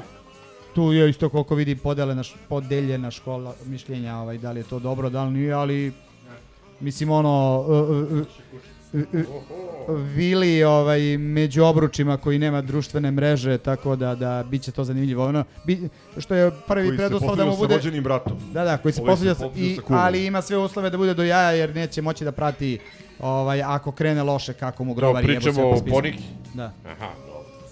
Da, ovaj, mi smo napravili mali interni dogovor da ga zovemo Ponika kao omaž rogovom biciklu Classic S3, Nego ne mogu izgovorim, ono. ali naš nerezidentni Sad to je. lingvista Trobi insistira da je da mu ime ponj, Ponjitka, je li tako, Trobi?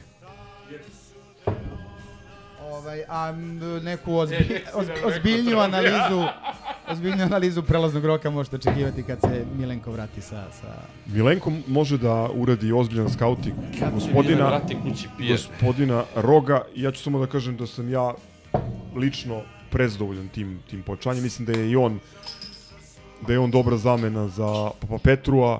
Papa Petru možda jeste u nekom trenutku bio kvalitetni igrač, ali u Partizanu de facto nije pokazao ono zbog čega je, zbog čega je doveden.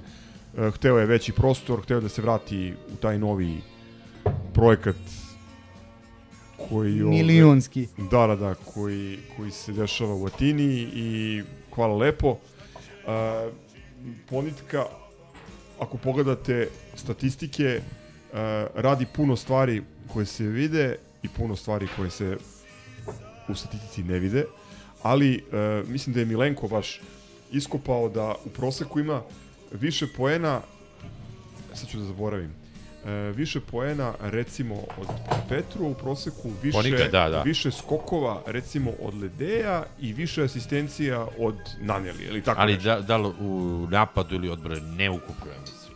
Ne, što tiče odbrane, znači igrač koji je polivalentan, a, koji je ono agresivan, zna da ukrade loptu, e, može da igra na raznim mestima, nije neki sjajni šuter da se ne lažemo. Koliko visoko? Ali za sad Nešto čini mi se da za razliku od prošle sezone ono što me raduje je što, što je u napadački arsenal ostao, a ovo što je došlo, ono moje znanje košarke je da smo se tu znatno ojačali pozadi. Da, tako ali ovaj, kažem. ova igra, ova igra i u tranziciji baš dobro i Ne, ne, mislim u... Co to je ziveli? može može da zida. Trobika. To je češki, nema veze. Evo, već, već vidim, već vidim da će, da će jedan od napada biti uh, low post i čišćenje strane za poniku protiv Napiera. Ali da, u suštini tu je najbitnija stvar da Poljska nije nikad, nije nikad dala Quislinga. Pa, nisam siguran. Onaj što je branio Stalingrad je bio Poljak, pred. General Crvene armije. Prvo se informiš. Prvo se informiši, brate. I posle je bio guverner Poljske i kad je bilo ono poljsko proleće Španija je, ja, brate. jest. Da, da. Ru, Rusecki, tako nešto, marš. ovaj, uglavnom, ovaj, Žonsa, svi osim tebe su pički. Tomek. Tomek, Tomek, brate, Mazu- ponika. Ovaj, Mazutka dobro, Dombrovskog. to su, Ko ovaj, ovako grozno kasni izgleda, Pa. kasni čas, Pa. Milorad sigurno nema ko drugi. ovaj, Koferđija. E, samo, da mi, hoćemo- samo da mi Vili ne ostane neza, nezadovoljan apropo, apropo ponjetke, dužan sam dve rečenice objašnjenja. Pa Fone, fonetski sistem poljskog je veoma zanimljiv, što navijač Partizana dobro zna zahvaljujući Tomašu Žonsi, za koga je dugo trajao pokušaj da se dešifruje kako, bi se Kako njegovo može prezime bude Žonsa. Kako Ržasa može bude Žonsa, on je zaista Tomaš Žonsa, jer je, kao što rekao, spomenuo fonetski sistem poljskog zanimljivog, ali kad je poljetka u pitanju, kad je poljetka u pitanju, nema mnoge dileme. Taj glas koji je sumnjiv, a koji se stručno zove zvučni palatalni nazal, u transkripciji sa poljskog izgovara se nj i čovjek je ponjetka. A odakle je on? I to je to. Ili iz Čećina možda? je? Treba imati parolu zvučni hvala. Evo trivija, e, ono 80-ih, kraj 80-ih, pa znaš kad su se... Da, kad su se k- k- kolale razne priče o panku i ovaj... Bila ona poljska grupa sp, spute policijata. To je što pite policajca, ali to je zvučalo kao da ga rokraš. Uglavnom, ovaj, bila je priča da je dolazio Iron Maiden u Šćećin, ne znam kojim trikom, i da su uh, po- poremećeni poljski metalci iskupali leš s lokalnog groblja i doneli ga na koncert. Oni misle da je to stvarno. Je li ovo pred internetska laž? Ili se stvarno desilo? Pre, da, be, otkud ja znam da li se desilo, znam samo da je išla priča, jebate. Crk šta ide kao podloga? Anđelik Apsarc ili Jugoton? Što ne ide, dezerte s putem Hoćemo da, da oni kak se ostavimo ovo zove. za kraj. Svetosavac, Svet- Svetosavac. E, da, Dajde bolje ti daj kratak siže ovih e, najavljenih pripremnih utakmica, pošto mislim da će se Svetosavac odužiti. Pa ne vidi, moramo njega da Ne, ne, ne, ne, mo- svakako moram, ali mislim da čisto da spomeneš Imamo ono... pivo, tako da sad... Čekam ovaj- da Milenko dođe pa da pričamo o, o rasporedima. Ok, E, mislim čisto ono, Da. šta je... Pojavili su se rasporedi Dobro, Mirotić. Euro lige i ABA lige i od, Da. od potvrđenih od potvrđenih pripremnih utakmica za sada imamo Nikos Gali skup na Rodosu, Da, bez, bez Arisa. bez Arisa, da, ali sa dosta čudno, E, ali igraju, ali igraju sve Euroligaši i E, igraju sve autokefalne crkve, brate. Pravoslavne, Jerusalim, e, Atina, Beograd i, šta beše, ovaj, bre, Kos, uh, Istanbul, Konstantinopol. igramo Nikos Gali skup bez, bravo, bez Arisa i igramo turnir kojim se obeležava 50 godina Igokeje. Pazi, Da. nisam imao pojma da Igokeja postoji 50 godina. A, tu igraju znam da igra CSKA i ne znam ko još. Tipa uh, Galatasaray i... Recimo. A, I verovatno će biti neki turnir u Italiji, ali ovaj to nije to nije potvrđeno tako da ne pričamo napamet. A ajde, što tiče rasporeda, pita- pričat ćemo i analizirat ćemo kada, kada krećemo dođe. iz, čisto može to da se kaže, Aviva. krećemo iz Tel Aviva, druga odnosno dočekujemo mm, tipa... Tamiš. Tamiš, druga. Tamiš. Tamiš, da. Ne, da. Tamiš na strani isto. Da, da. Ovaj, I, a- I dobra stvar je što je pomeren ovaj... Nemojte da mi vrdate Mirotić. Ne vrdamo vrdamo, nego da zatvorimo za kraj čoveče. košarkaškog da bi mogli da opletemo u kontinuitetu. Ne vrdamo, nego prosto... Znači, ja nemam mišljenja o Mirotiću, pošto ne znam ni kakav igrač, ono kao, svi su nešto pričali do jaja. izvini, ovo. samo da, da, da, da završim ono što sam htio da kažem je bila je ona bojazan e, o preklapanju utakmica u areni. Šuplje usta, šta? Ali da, rešili su sa Dinom Turskom Dinu Slinom, Dadaškaloviću. su se dogovorili da ovaj, pa će ovaj pomeriti svojih šest koncerata. Sve je laž osim smrti, moj Dino. Ovaj, Evo imam ja mišljenje o Mirotiću, ja ne bežim od te teme.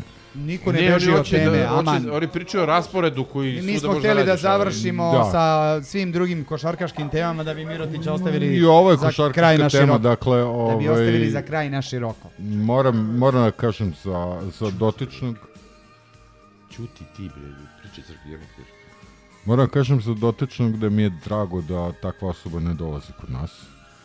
Prvo zbog toga što nevezano za celu ovu priču sa obećao, ne obećao, neće da deli, a, prvo zato što mi on ono a, template sigan jedan kroz jedan. A, osoba koju ne želim da gledam u Partizanu pa da je tri Jordana. A druga, druga stvar ovo, što se ispostavilo da, eto, jednostavno, da li je, mislim, nikad nećemo verovatno saznati koliko je tu bilo do pretnji, koliko je bilo do, do njegovog vrdanja, ali prosto takvi, nama ne trebaju jednostavno, nama ne trebaju ljudi koji neće da dele narod, nama trebaju ljudi koji će da dele narod. I to je to. Što bi rekao Vilijev omiljeni trener Aleksandar Stanojević, ako razmišljaš između njih i nas, idi kod njih, nama ne trebaš. Pa da. Skandirajte meni, nemojte njemu. Ove, još jedan citat od Starovića. Ove... Nemojte te političke parole. Ove, uglavnom, a, a, to što kažeš Temple i Cigan, nisam ja siguran. Pa, Aleksa Avramović, kad bi znao koji je to zilot, ne bi ti bilo dobro. Znači, čovek je pre, ono, 10 godina izjavio da je od uvek navio za Partizan. I futbol da je igrao i košarku da je navio za Partizan. To što su ovi cigani istripovali, pa mu Ne, dali ne neku govorim nagradu, ja, ne govorim ja, Zvezda vidi, godine. vidi, vidi, vidi, ne govorim o, o navijačkom opredeljenju, govorim o jednostavno Mentalnom životnim ubeđenjima, mentalnom sklopu. A, a, a, ja tebi kažem opet, Zilot, kao što je Avramović, ovo je a, laka prehlada. Ovo će da se zamonaši posle, posle Mislim karijere. da mašite poentu Ako debelo, debelo svi, znači što se mene tiče, Vidi, svaka mu čast na humanitarnom radu. Čuo sam iz više privatnih ono kroz više privatnih kanala da je neverovatne stvari čovek uradio bez da se reklamira. Ma, svaka mu svaka čast čast na tome. i na umeću i na, Ali- na, na karijeri i na svemu tome, ali bottom line nama ne treba neko ko neće da deli narod. Nama trebaju ljudi koji će To da je dele to je narod. druga stvar. E, No, to je prva stvar. Ne, ne, prva stvar je prva stvar je način način na koji on objavio Koji se sve da ovo neće do- deša, da, sve, sve. Od, E, jer to debelo nadilazi i košarku i prelazni rok i podele ili ne podele u društvu. Znači, sad bez zajebancije, naravno da mi ne možemo objektivno da posmatramo situaciju i da se izmestimo iz, iz kože, iz uloge navijača Partizana, Jeste. ali da li je normalno da čovek koji je jedan od najplaćenijih košarkaša u Evropi i jedan od najboljih igrača živeli, Živjeli, braćo. na poziciji na kojoj igra, izađe i javno kaže da neće da pređe u koji god klub zbog toga što mu se preti. Pa to je ciganski. Ne, ali kapirate koliko to nije normalno. Mislim, to je, to je po meni mnogo šira društvena dijagnoza nego priča o prelaznom roku Partizana. To je prva stvar. E, Znači, na stranu njegova religiozna, društvena, politička i neka peta uverenja. Ovo mislim da je ključ. Druga stvar. E, ako je zaista sve tako kako jeste, čovjstvo i junaštvo, tu mu je tu mu je Duško Vujošević lepo citirao Marka Miljanova i može, ovaj, on vjerojatno mnogo bolje zna i Gorski vijenac i sve ostale referentne Slažem se sve, apsolutno. ovaj, rukopise. Tu može od Saše Pavlovića što šta da, da nauči iz prve ruke.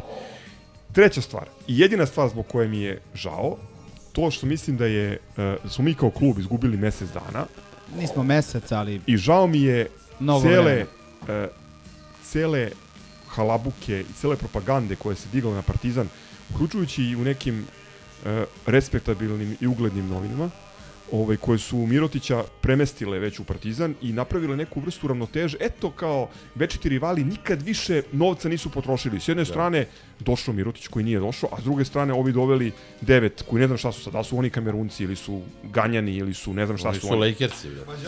Da. Ovaj, tu je, tu je stvorena, stvoren je šum, stvorena halabuka, stvorena lažna ravnoteža.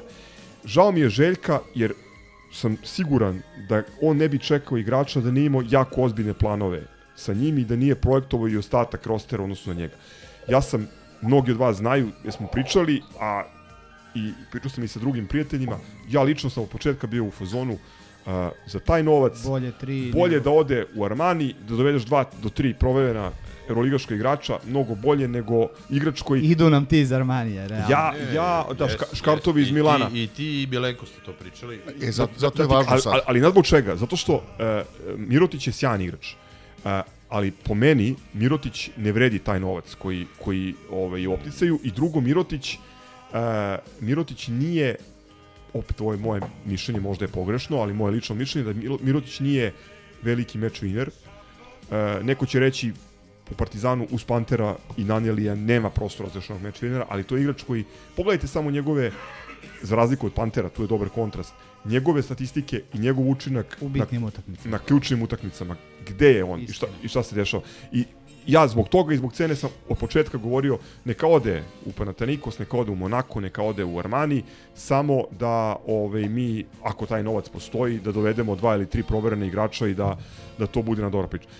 Konačno, da završim, e, pominjali smo tri nepotrebna poteza ili tri faula iz kluba.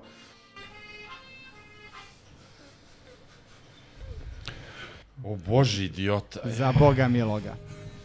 Nek čuje Dete ti je kreten, mislim, šta ti kažem. Ovaj, e, znači, ona prepiska s njim, zahvaljivanja, objašnjavanja, Partizan treba bude iznad toga.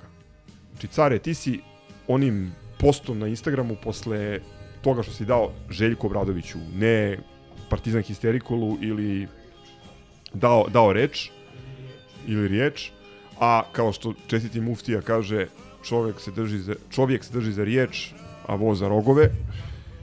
Tu si sve rekao A samo jebeš sebi. karakter ako nije labilan, da ti ja kažem. Ne, ali tu si sve, mislim, šta sad mi treba da... Ne, ne treba. M- moje... Dovoljno je bilo da kažu, e, Moje- moje žao laj- nam je, e, nadamo se da će u danima koji predstoje gospodin Mirotić da nam Evo ti- saopšti ko je, ko je osoba ili ko su osobe koje su vršile pritisak na njega. Moje, Tačka. moje, moje mišljenje, čekaj, moje mišljenje kao neko ko Brate, o tom Miretiću znam da je dao ciganima košaru u zadnjoj sekundi i to je sve što znam o njemu. Znači, ono, to Iz auta. o, o, poznavanja basketa. Ovaj, a, mislim da su mediji najviše krivi za celu tu halabuku koja se desila i tome A? Da. O, izgubio sam 100 evra.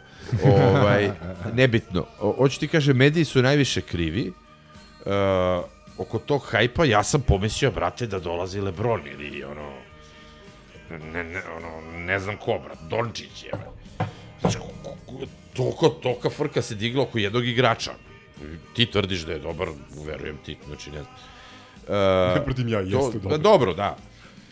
Ovaj, uh, z- uh, mešetarilo se uh, i ono što je najgore mislim da se mešetarilo i s naše strane, jer kad su cigari počeli da mešetare po svojim medijima, onda smo mi počeli da, da dodemo vatru i to je preraslo I uvek izgubimo kako. to je preraslo prelazni rok.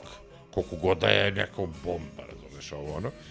E sad, to što kažeš, uopšte nije stvar da li Birotić došao i da li je držao, dao reč i nije dao reč. Ne, ne znamo. Znači, stvarno ne znamo. Ja, me, meni taj tip, ono posle malo kad sam čitao njemu, stvarno izgleda kao onaj lik koji bi stvarno ono po cenu svega održao. Znači, samo da, znaš, ono, ne znamo, pošto živimo gde živimo, da mu nije nekada Drageta stavila, brate, pragiju ženi na, na čelo ili to. Znači, stvarno neću da tvrdim, bez za- zajebavanja. Ovaj, ne znamo šta se tu dešavalo. Ne, činjenica da je on izašao, Vili, znači nije sad ovo više Mundo, de, Mundo Deportivo ili uh, No Name Twitteraš. On je objavio na svom Instagramu da mu je prećeno. On je to re, napisao. Onda, jo, onda je, o, ovaj, uh, onda je to pitanje za NATO je, za Interpol, ja ne znam za koga, brate, o čemu mi pričamo.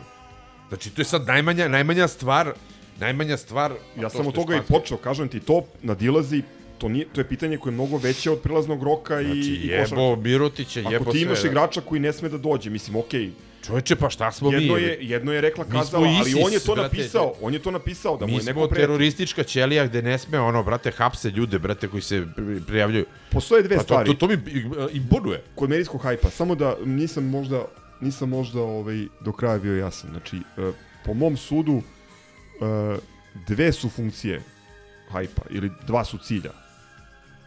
Kad se krene, kad se zakotrlja ovaj niz brdo. Jedno je, znači da se napravi taj lažni lažni Da, ekvilibrijum, da, odnosno ravnoteža, a drugi je da se podigne tenzija i pritisak među navijačima Partizana. A ja ću da vas podsjetim da je Željko Obradović sa Zoranom Savićem, radeći u tišini, doveo i Škart iz Milana broj 1 i Škart iz Milana broj 2 i tri tačke, još XY pitanja i produžio ugovor sa Škartovima i najbolje je da se mi svi lepo opustimo, sednemo, otvorimo pivo i pustimo njih da rade ono što najbolje. Ja, ja razumem, to je Milenko u nekom trenutku Jeste, rekao, lepo je rekao. Preveliki je on da da je ovo sakrije. preveliki transfer, odnosno Da. Previše bitan igrač u evropskoj košarci da bi Da bi mogao se sakrije. Da bi mogao se sakrije. Da. I previše zainteresovanih strana. Ali ovaj hoću kažem da ni mi tu nismo pomogli jer smo mi slažem se kolektivno kao Da. navijači Partizana se upecali na, na, na hype, skočili na, na ga, vrtešku. brate, pa mislim- I, I evo sad imaš ljude koji su kao nešto razočarani prelaznim rokom. Ljudi, zadržali smo trojicu kamerunaca. Ne govorim pežorativno. Zajebavam se. Više nije pežorativ, to je jedna Nismo, stvar koju se nismo dičimo. očekivali da će do toga dođe. Doveli smo Jaramaza. Tačno. I doveli smo Rog Special 3. Dok smo Classic. još kod medijskog hajpa, a, kolateralna korist svega toga je debeli Dukljanin koji briljira već danima i veseljava mi onako Baš E, ono, ljudi, a, jebo čovjek, čovjek koji, koji, koji a, govori I told you so, ali sa punim pravom. Ne, jebo medije, izvinite va- vas dvojica ovaj, za to, ali stvarno, evo, na, znači malo ću ošaram uh, za ili protiv. Evo ovako, stvarno najveće ime po meni u evropskom basketu koji je igralo u Euroligi prošle godine. Prva stvar. Druga stvar, igrač koji je dao protiv Reala dva poena. Znači u polufinalu. Sad, Ljudina, koja je pomagala ljudima, evo bili su tu neki ovde koji su u prostoriji u Barceloni, pomagao ljudima da uđu u halu, uzimo brojeve telefona kad ovi cigani nisu davali. Veliki je čovek sa ovim iz Chicaga mojima, pošto igra u Chicago Bullsima, bio je najveći donator na stranu Srbi za Srbije to, nego pomagao je anonimno. To po, tek posle par meseci su obelodanili ko je uplaćivao za tu decu pare, to je bio on. A sa druge strane, to mi ona ciganska priča, ima, im, e, do, dobili bi ciganskog igrača kao što su Degenek i Borija najveći Srbi ikada, mi bi do, dobili još jednog najvećeg Srbina ikada da, da im uteramo kurac. Ovaj, za to sve njihovo, a, k, k- kameru, novo ono, najvećeg Srbina ikada koji ima španski pasoš. Ovaj, ta, tako da, a, Nikola... I koji je ono- cepao srpsku zastavu. Da. To su izvadili za svaki slučaj iz neke arhive. Da, da, da, Mislim, da, da, ne, da. ne vidim uopšte razlog da mi s njima da se Ne, ne, ne nadvornjavamo Znači, i ja navlačimo hoću- i ja hoću da- objašnjavamo ja ko je hoću da kažem šta je bit- bitnija stvar, znači, Bo, opet Bojan Krkić, Marko Marin fazon, veliki Srbi, Degenek i Borjan sa strane Bunski. pasošima. Uno, četničko ovaj, ono što je, što je bitnije, znači, svi ti sportski novinari, ja mislim da ne postoji da je, da je, da je lakše biti prostitutka nego sportski, sportski novinar. Znači, to je neverovato. Znači, ja te ljude prezirem više nego ceo je šalon prvi koji uzima pare i, znači, ono, da, da, da, da ne nabrajam.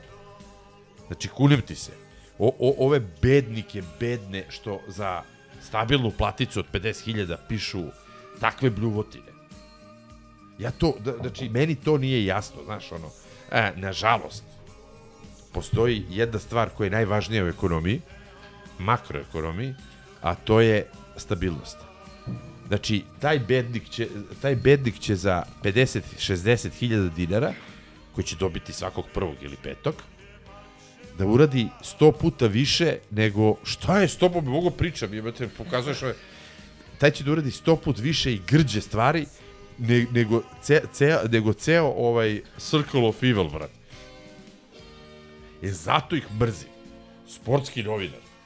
Kako vas bre nije sramota, bre? Onaj ćoravi, bre, sa Mozarta, ili Mozarta, onaj što, što nije jeo užinu, pa ono sve. Čemu, bre, mi pričamo? Ne čitam, bre, ništa. Ne mogu da podese sve to. I opet potpadnem zbog drugih. Gazeta della Sport. Ja bih samo rekao ono, To su najveći krivci. pa d- iz mog ono poluskromnog košarkaškog mišljenja on, Slukas i Panter su bili tu otprilike ono najveće zverke iz mog nekog ugla trenutno. I Bugari. O, da, da, da, je- da, da, ali račun, ovi koji će da se vrzmaju po Evropi, po Evropi i dalje. Ovaj, mi smo zadržali jednog, da smo doveli dva od tri, to bi baš bilo do- do- pre, rekao pre, pre, pre ozbiljno šta god to.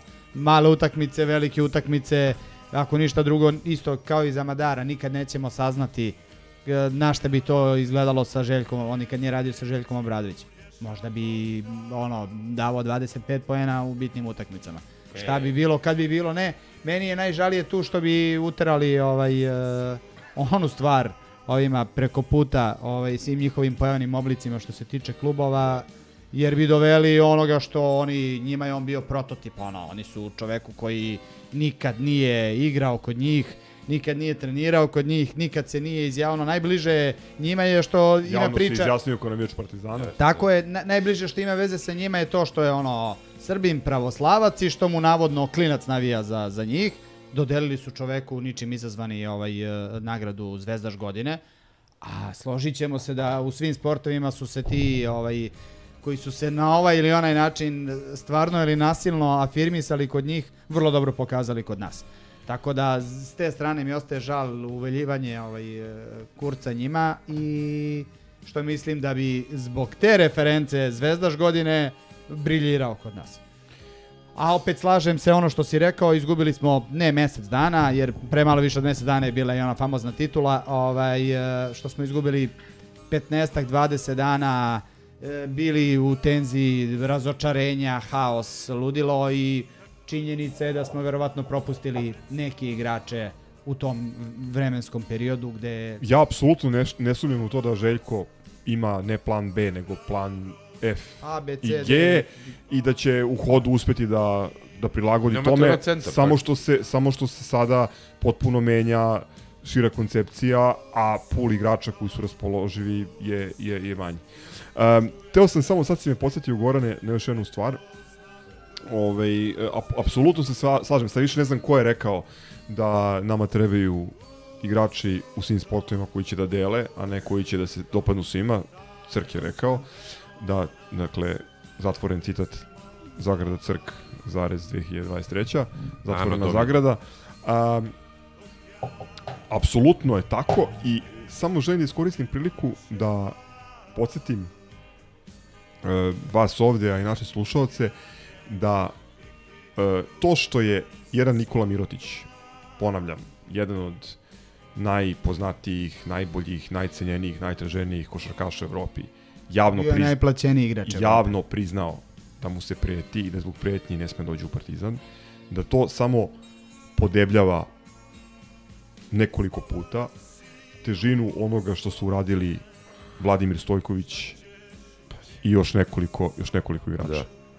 Jer e, zamislite vi još iz te pozicije, znači nekoga ko je kod njih bio kapiten, ko je odavde, ko je, da. ko je ovaj, po XY osnova naslonjen na ovo društvo, koji nema španski pasoš i, i ovaj rezervni život negde drugde, da uradi ono što je on uradio. Vladimire Stojkoviću, ti si jedan veliki car. Ja, ja sam priznao, ja ga nisam Isto, isto. dočekao kao je većina vas Ja ne- ne- ne ja blagonaklono, hteo ali čovek je Štete što je Mondo Čovek je na jednom boljem šest mestu. puta prešao igricu. A Mondo je jedini koga znam koji, koji nije priznao da I je čovjek veliki. I Da, da. Katej? Katej. A, dobro. A čekaj samo dve, dve, dve stvari ovde. Ja bih E, Jedna je da, da ne bude sad, kako smo krenuli u ovu temu, da, da ne bude kiselo grožđe.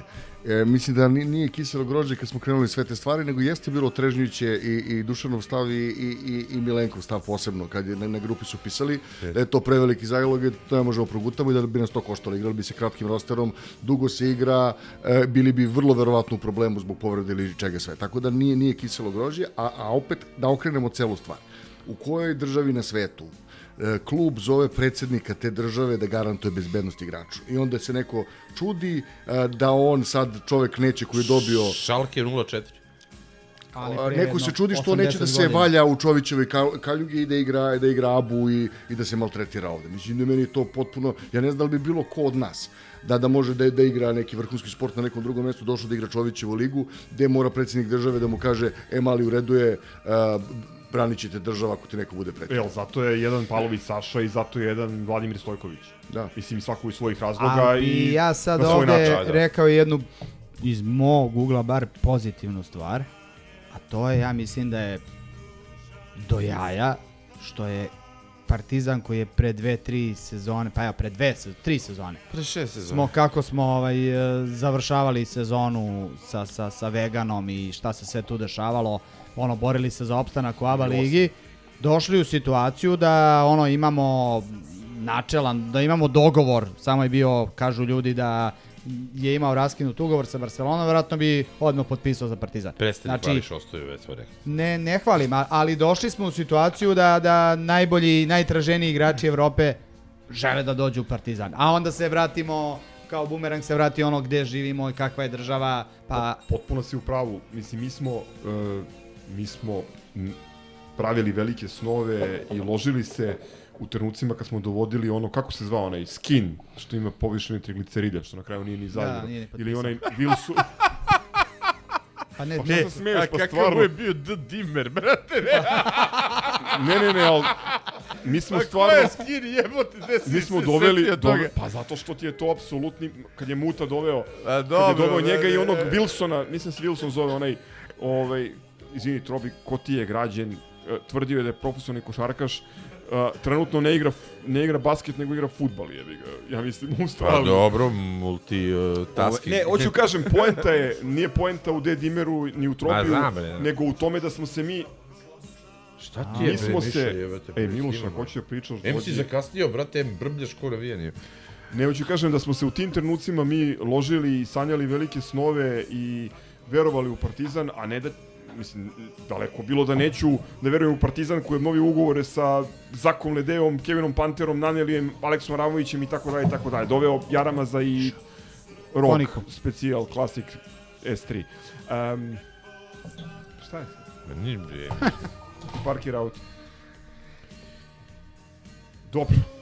Mi smo završili temu. Mislim da jesmo, da. Ni, ja bi ono samo za prvu epizodu i kraj ovog košarkaškog da ljudi o, ono što si ti govorio, ovaj, na, najlepši deo navijačkog života, gostovanja, Bogu hvala u, u Euroligi nije kao u nekim drugim takmičenjima koji su navikli da prate navijači Partizana, već su napred zna i kad se igra i gde se igra, verovatno i u koje vreme se igra, pa može na vreme da se isplanira neko lepo putovanje, lepo gostovanje uz Samo čekam zdravlja, pobede Partizana. objave cene, brate, ovih sezonskih. To će biti...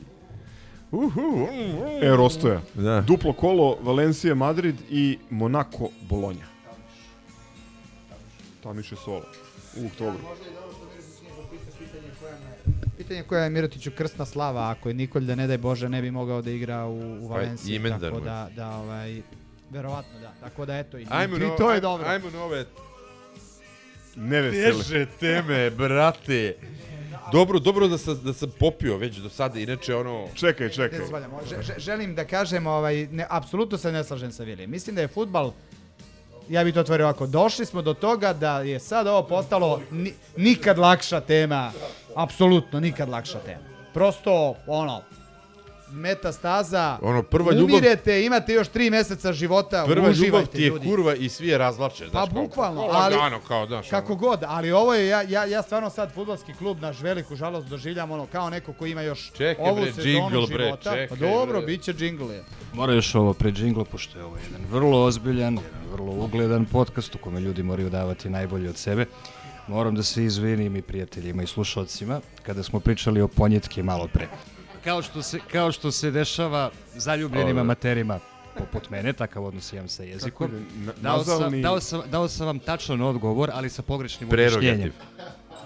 A, nije nazalni. Dakle, e, govorio sam sa ubeđenjem da se njegovo prezime piše sa onom kvačicom iznad iznad N, ne piše se, on, on ima obično N u prezimenu, ali se to sve jedno čita sa Nj, zato što se to N u takozvanom predvokalskom položaju, to jest ispred samog glasnika, sve jedno čita Nj, pošto njegovo N dolazi ispred I, to se čita Nji, dakle čovjek je svakako poljitka. Dakle, tačno rješenje, pogrešno objašnjenje, izvinjavam se zbog toga.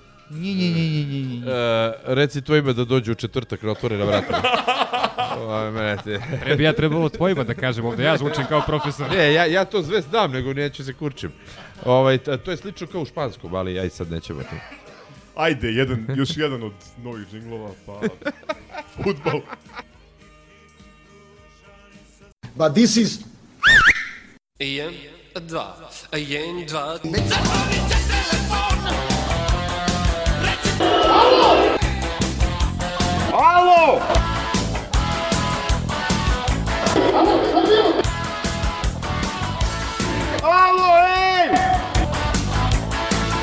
Nismo te ni zvali.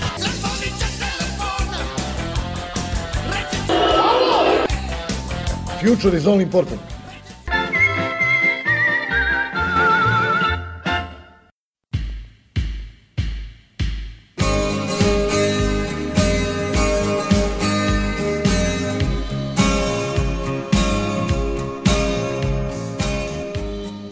E ovako, Toči, daj to plovo.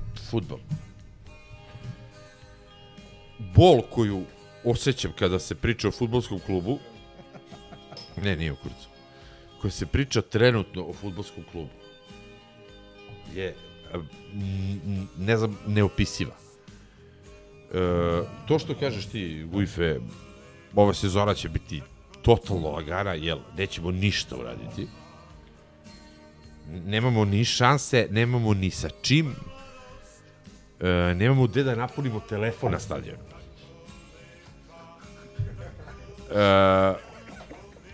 Ja se stvarno pitam, jel postoji u tom uh, u tom uh, prof, profinom ustavu jel ja ne znam kako ono maršalov akt brate kao Nemačka što je dobila kad su ih okupirali Ameri uh, jel postoji da neko za nešto izađe i bar kaže, ne mora da snosi posledice pošto snosi ti da posledice snosi. ne, ne, pa da, da, mora mora ovaj, znači kako vas nije sramota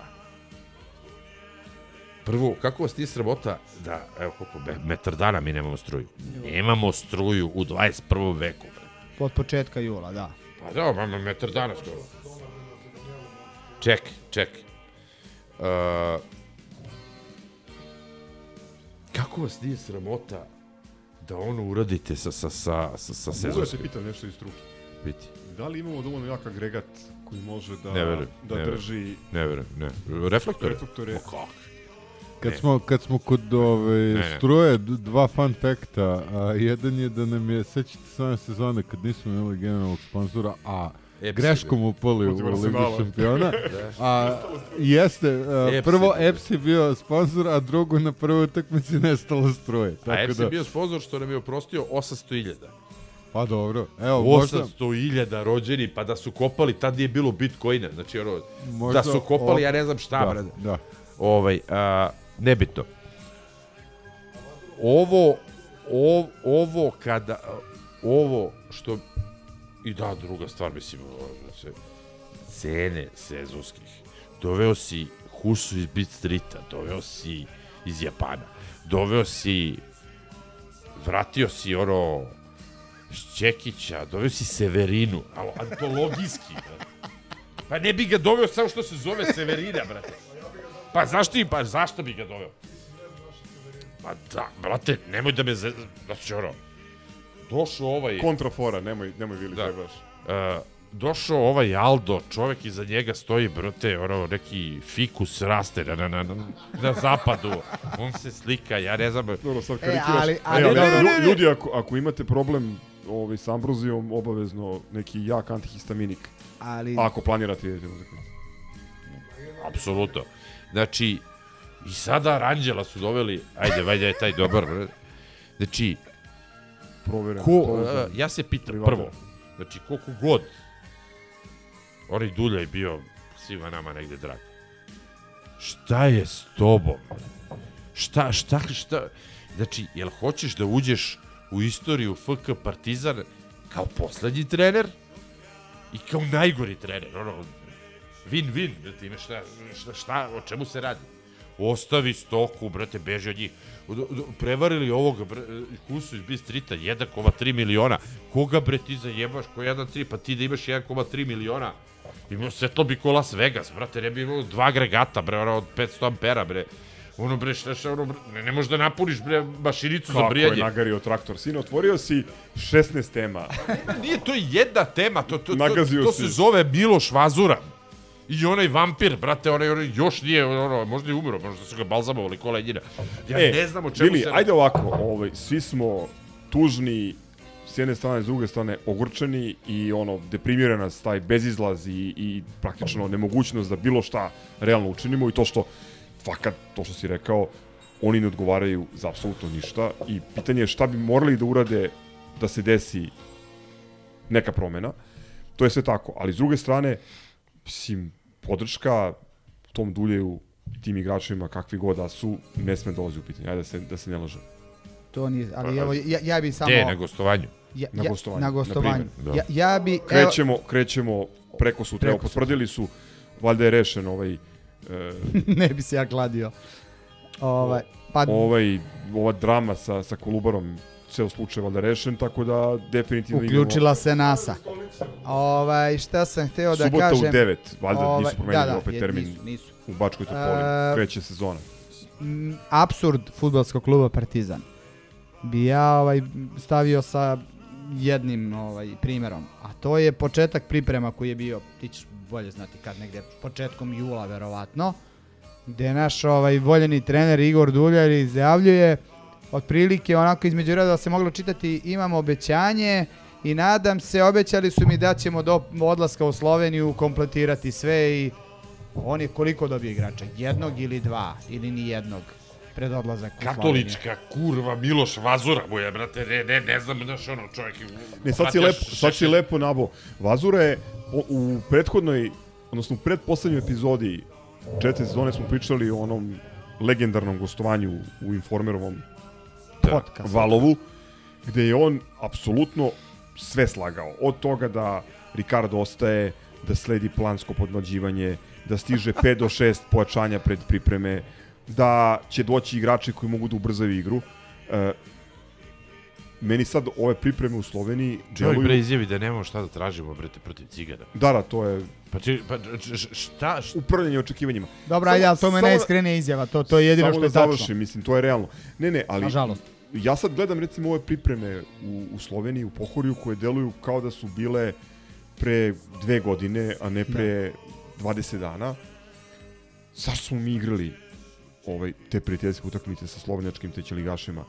Da li smo mi praktično tamo razigravali ove juniore, među kojima stvarno ima dobrih i kvalitetnih igrača, da li smo ih razigravali za onaj UEFA Youth League? Šta je bila poenta priprema ako ti gro igrača i projektovanih nosilaca dolazi u poslednjih 5 dana prelaznog roka, odnosno poslednjih, nije, nije kraj prelaznog roka, poslednjih 5 dana pred početak sezone, upitno je, znači u kom su fizičkom stanju, sezona?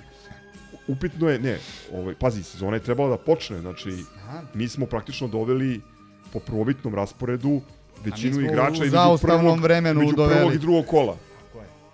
Pri čemu, koliko će oni treninga imati zajedničkih, u kakvom su oni fizičkom stanju i tako dalje. I to ono što me najviše ne vjeruje, što smo mi, ako se sećate, prošle godine slušali priču pre odlaska u Katar, kako ćemo da iskoristimo produženi odmor i januar da pripremimo ekipu za Za evropske evropsko kvalifikacije. proleće, da. Znači, ne da, e, ne da nismo bili spremni ili da nismo očekivali da ćemo igrati kvalifikacije I da za ligu konferencije, nego da čoveče mi dobijemo, evo sad gledam ovaj spisak, e, Seve, Aldo, ovaj Mateuš Saldanja, Husa. Aranđel, oni su svi došli u poslednjih nekoliko dana. Evo ga, lažni crk. Lažni tvoj Ovaj. otac. Ali ne, crk je došao u Sloveniju, on je igrao u Sloveniji, ali ova, ova četvorica su došla i potencijalno dolazi još e, štoper, koji je de facto najdeficitarnija pozicija u timu. I otvorena je i otvorena je priča i za neke odlaske. Kad smo kod odlazaka, Diabate, 20 i nešto dana čovek nesta u akciji, ne zna se gde je. Na kraju smo utvrdili da Se javio preko Skype-a, verovatno. individualno radi Preko Skaja. Ne znam da li mu je deda umro 17. put, ali čovek ne namerava da se vrati. Pa, vudu. Ne namerava da se vrati u Beograd. Imaš Jovića isto koji je u bekstvu, pokušava to Verovatno mu je da, frizer umro, pa ga sramota da se pojavi. Da dođe kod Jackson On je valjda tražio i raskid, ali nije ni bitno. E, Najtalentovaniji junior odbio da potpiše ugovor pod uslovima koje je klub ponudio. Neverovatno. Soma ne, i ja bi se Sony nadovezao. Drugi apsurd, izvini, ovaj, sad što te prekidam. Je kad pogledam ovde na ovoj histi tabli, ovaj, spisak protivnika u, La u, lista u, egzista. u, u, u pripremnom, apsolutno nikad nije bilo. Ti igraš pripremnu utakmicu za sezonu protiv ono... e, Znaje, brate. Protiv, ma dobro, to je bilo u, u, u davno prošlo vreme. Inače, najjača stvar... u vezi Protiv metalca iz Gornjeg Milanovca igraš... Tesnaje, između, e, na, n- n- kako Znači igrao si protiv ono... Puno ime, nije Tekno, Koliko su ovde? tvoji. Je- igrao si- Tehnika, pes, pesnica. E, igrač, pazi, igrač se zagreva u Partizanovoj navijačkoj majici. A da, to sam vidio. Genijalno. Da, Ne, ne, ali, ali ti igraš pri, šta god. Znači oni dalje pričaju da su ovaj uh, ciljevi najveći, napadamo ovo, napadamo ono, a uh, ako izbaciš šturm, ti ovde nemaš prvoligašku ekipu. Imaš klokane s Bohemiansom koji nas je odučio od Da, fudbala. bravo, u stvari, oni su izvinjeni. Ne, ali da, nema veze, pazi, pripreme nisu merilo, realno. Ne, nisu merilo, Posebno ali- ne u tom ali- sastavu, ali meni neozbiljno ti ideš na pripreme, gledam sada ovaj, u kom sastavu smo mi izašli, recimo, protiv te pesnaje. Znaš, e, okej je da vidiš koliko omladinci mogu na tom nivou i da neke stvari testiraš, ali nije okej da ti ovaj, da ti gro Zgro. projektovanih, Zgro. da ti zgro projektovanih nosilaca igre dolazi nakon što je trebalo da počne prvenstvo. Zaboravili smo Kanute ovde da stavimo na ovaj spisak, a on, je, on će biti bitan igrač. Ali, ali, ovaj... On je bio u Sloveniji već. I on i Antić. Moj neki ovaj uh, uh, subjektivni osjećaj je da će ova Koji sezona, Antić ono što sam rekao, biti onaj... Bivši kapitan Vojvodine, levi bek. Aha. Inače, naše dete. Šehović iz Mitrove, je tu? Iz Mitrove Da, generacije. Šehović još u timu. Jeste, on je rezervni levi bek.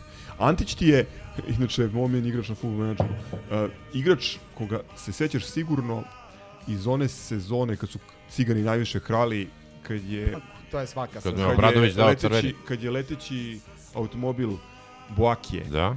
e, i simulirao onaj penal protiv Slanjina. Ili, e, on bio kapiten. Pa to... Kapitan Pa njemu je dao onaj Da, da, Obradović što crveni. što je plakao, Na, da. na, na, Tako je, na, u pa, rupi. zato smo dobili titulu. Da, da, on, to, on je, on Da. je ovaj, taj. E, jeste, seća se je. Da. On je okej, igračić, ovaj, samo što, ne znam, ono, sad ne uskačem sam sebi u usta, meni se, meni se dopada to što postoji očigledno rešenost da se nekim mladim igračima da šansa, kao što je Mihajlo Ilić, bilo je vjerojatno planirano da je Vremović dobio ozbiljnije minute, posebno u odsustvu Diabatea, ali on se nažalost povredio. Ali, kako kažem... Ko to rešava? Kako da kažem? Ko se pita tu? E, To pitanje. Još neko o, lakše pitanje za manju ocenu. E, To, toliko je pustio pipke da me ne čudi da on pravi, znači, da on pravi ovo sve. Ne, Duljaj pravi. Ne, najče bude pravi. U pauzama. Dulje jeste... Pa, ironičan sa care, znači, naravno da... E, Dulje. i vili, ironijno stanu Dulje jeste, Dulje jeste bio uključen u dovođenje ovih igrača preko nekih svojih kontakata. Ali- Kad je dogovorilo do nokata. I A. pazi, on, on dovodi, on sad krpi tim bez love, znači, pazi, klub koji... Kako bez love kad su dali ono treće, E, treće o- pojačanje. O tome ćemo, o tome ćemo da 300. pričamo, o tome ćemo pričamo. Čekaj, ti veruješ, pare samo ono ti veruješ da klub... Pa naravno da ne verujem, Da klub koji Polako, nema polako, para da plati, koji nema, koji nema para da plati avio kartu do ove Niona, da ima para da plati milion i Do 300. Prištine, bre. E, sad Miloš me potpuno obukao na drugu sam. Što sam teo Normalno. kažem? Um, znači ti imaš tu neke mlade igrače i ja pozdravljam to uvek. Znači uvek pozdravljam da im se daje prostor i, i prilika da se dokažu. Jer mi, mi smo klub čije čije etos, čije diferencija, specifika, odnosno sve ostale, to da daje šansu mladim futbolerima i Ali ovde to nam je je, deo... ovo je izluđeno. I- Apsolutno. E, ali ovo je neko, neko neplansko hardcore pomlađivanje. Na kraju krajeva, mladi igrači, da bi ostvarili svoj puni potencijal, pod jedan moraju da, da budu okruženi nekim igračima koji su stabilni, kod kojih mogu nešto da nauče i da ne, ne učestvuju u, u ono, sramoćenjima i Ako brukanjima. kupiš Jevremovića, dobit ćeš česmu s istoka i dva štekera, bre. To, to, to, je, to je plan. I Pelcer za Ambroziju. tu postoji problem i, i ako, e, imaš to Jovića koji je bio projektovan kao za nekog sledećeg uz Baždara ovaj, igrača koji će napraviti transfer, koji ti pobegne, to je isto slagao. Rekao je kao, ma kao, ne može da mu se duguje toliko para, to je neistina, evo, šta bi. Ljudi, Ja verujem Ja da je on samo loše rekao- savjetovan i da ga tu neko sa strane, Ne, verovatno. ali šta postoji? Koji, To je, to je koja slučaj, poluga postoji da se ti ljudi sklone? to je slučaj sam To je koji se ti- ponavlja sad samo... pitanje za Nobelovu Naravno. nagradu, verovatno. farsa. Da, ali, znači, koja poluga postoji? Šta, jel postoji granica neka, uh, jel, uh, znaš, da, da se ti ljudi, konkretno Vazura i onaj podgreni, sklone. Ljudi, ne, ne, ne znate ništa, ne, nemate poj, nikakve rezultate nemate. Aj zdravo. u velikim pričama, aj sad besplatna reklama za taj portal, se pojavio tekst koji nije potpisao Toni Lazarušić, nego ovaj, neki drugi Toni momak, Montana. čije ime ne mogu sad setim, neka ovaj, ne zameri. E, onako interesantan tekst o ovaj, tome kako je uništen, odnosno samo uništen FK Partizan, gde je u prilike u zaključku Da, da. su data dva raspleta koje su moguća, a uslovnično pozitivna na klub. Jedan je promena društveno-političke okolnosti koje će da odnese kao oseka Da. ove iste ove koje koje je dovela. I druga stvar da se da se da se da se desi neki dovoljno jak pritisak od strane navijača koji ne dolaze na utakmice, sada da se ne vraćamo na, na, Anestezirani na su. diskusiju s početka, da. s početka ove emisije, ali e, vidjet ćemo sad, e, mislim vidim da su i organizovani navijači najavili da će da bojkotuju domaće E, utakmice. to je super. Da li će to da, da To je super. znači neke, neke aktivniji, kreativniji protest, nemam pojma, Pa, ali morat će. Evo, sad, apropo te odluke, a, ono, kad su obavljene cene, iako jesmo očekivali, baš Gaza je najavljivao tu opciju da da da će da roknu jednostavno cene da da rasteraju i ovih da Samo sam ovih se nekoliko setio- stotina ljudi koji dolaze. Sećam se cena protiv šerifa i Kelna. Tako je, i to, to, to traje već, već nekoliko godina, jasno. E, i, i znači, uh, iako ja, evo sad malo se hvališem, u tom momentu ovaj, sam na odmoru, blame, sve mi je ravno, a osjeća se se bukvalno kao da me neko popišao. Naravno.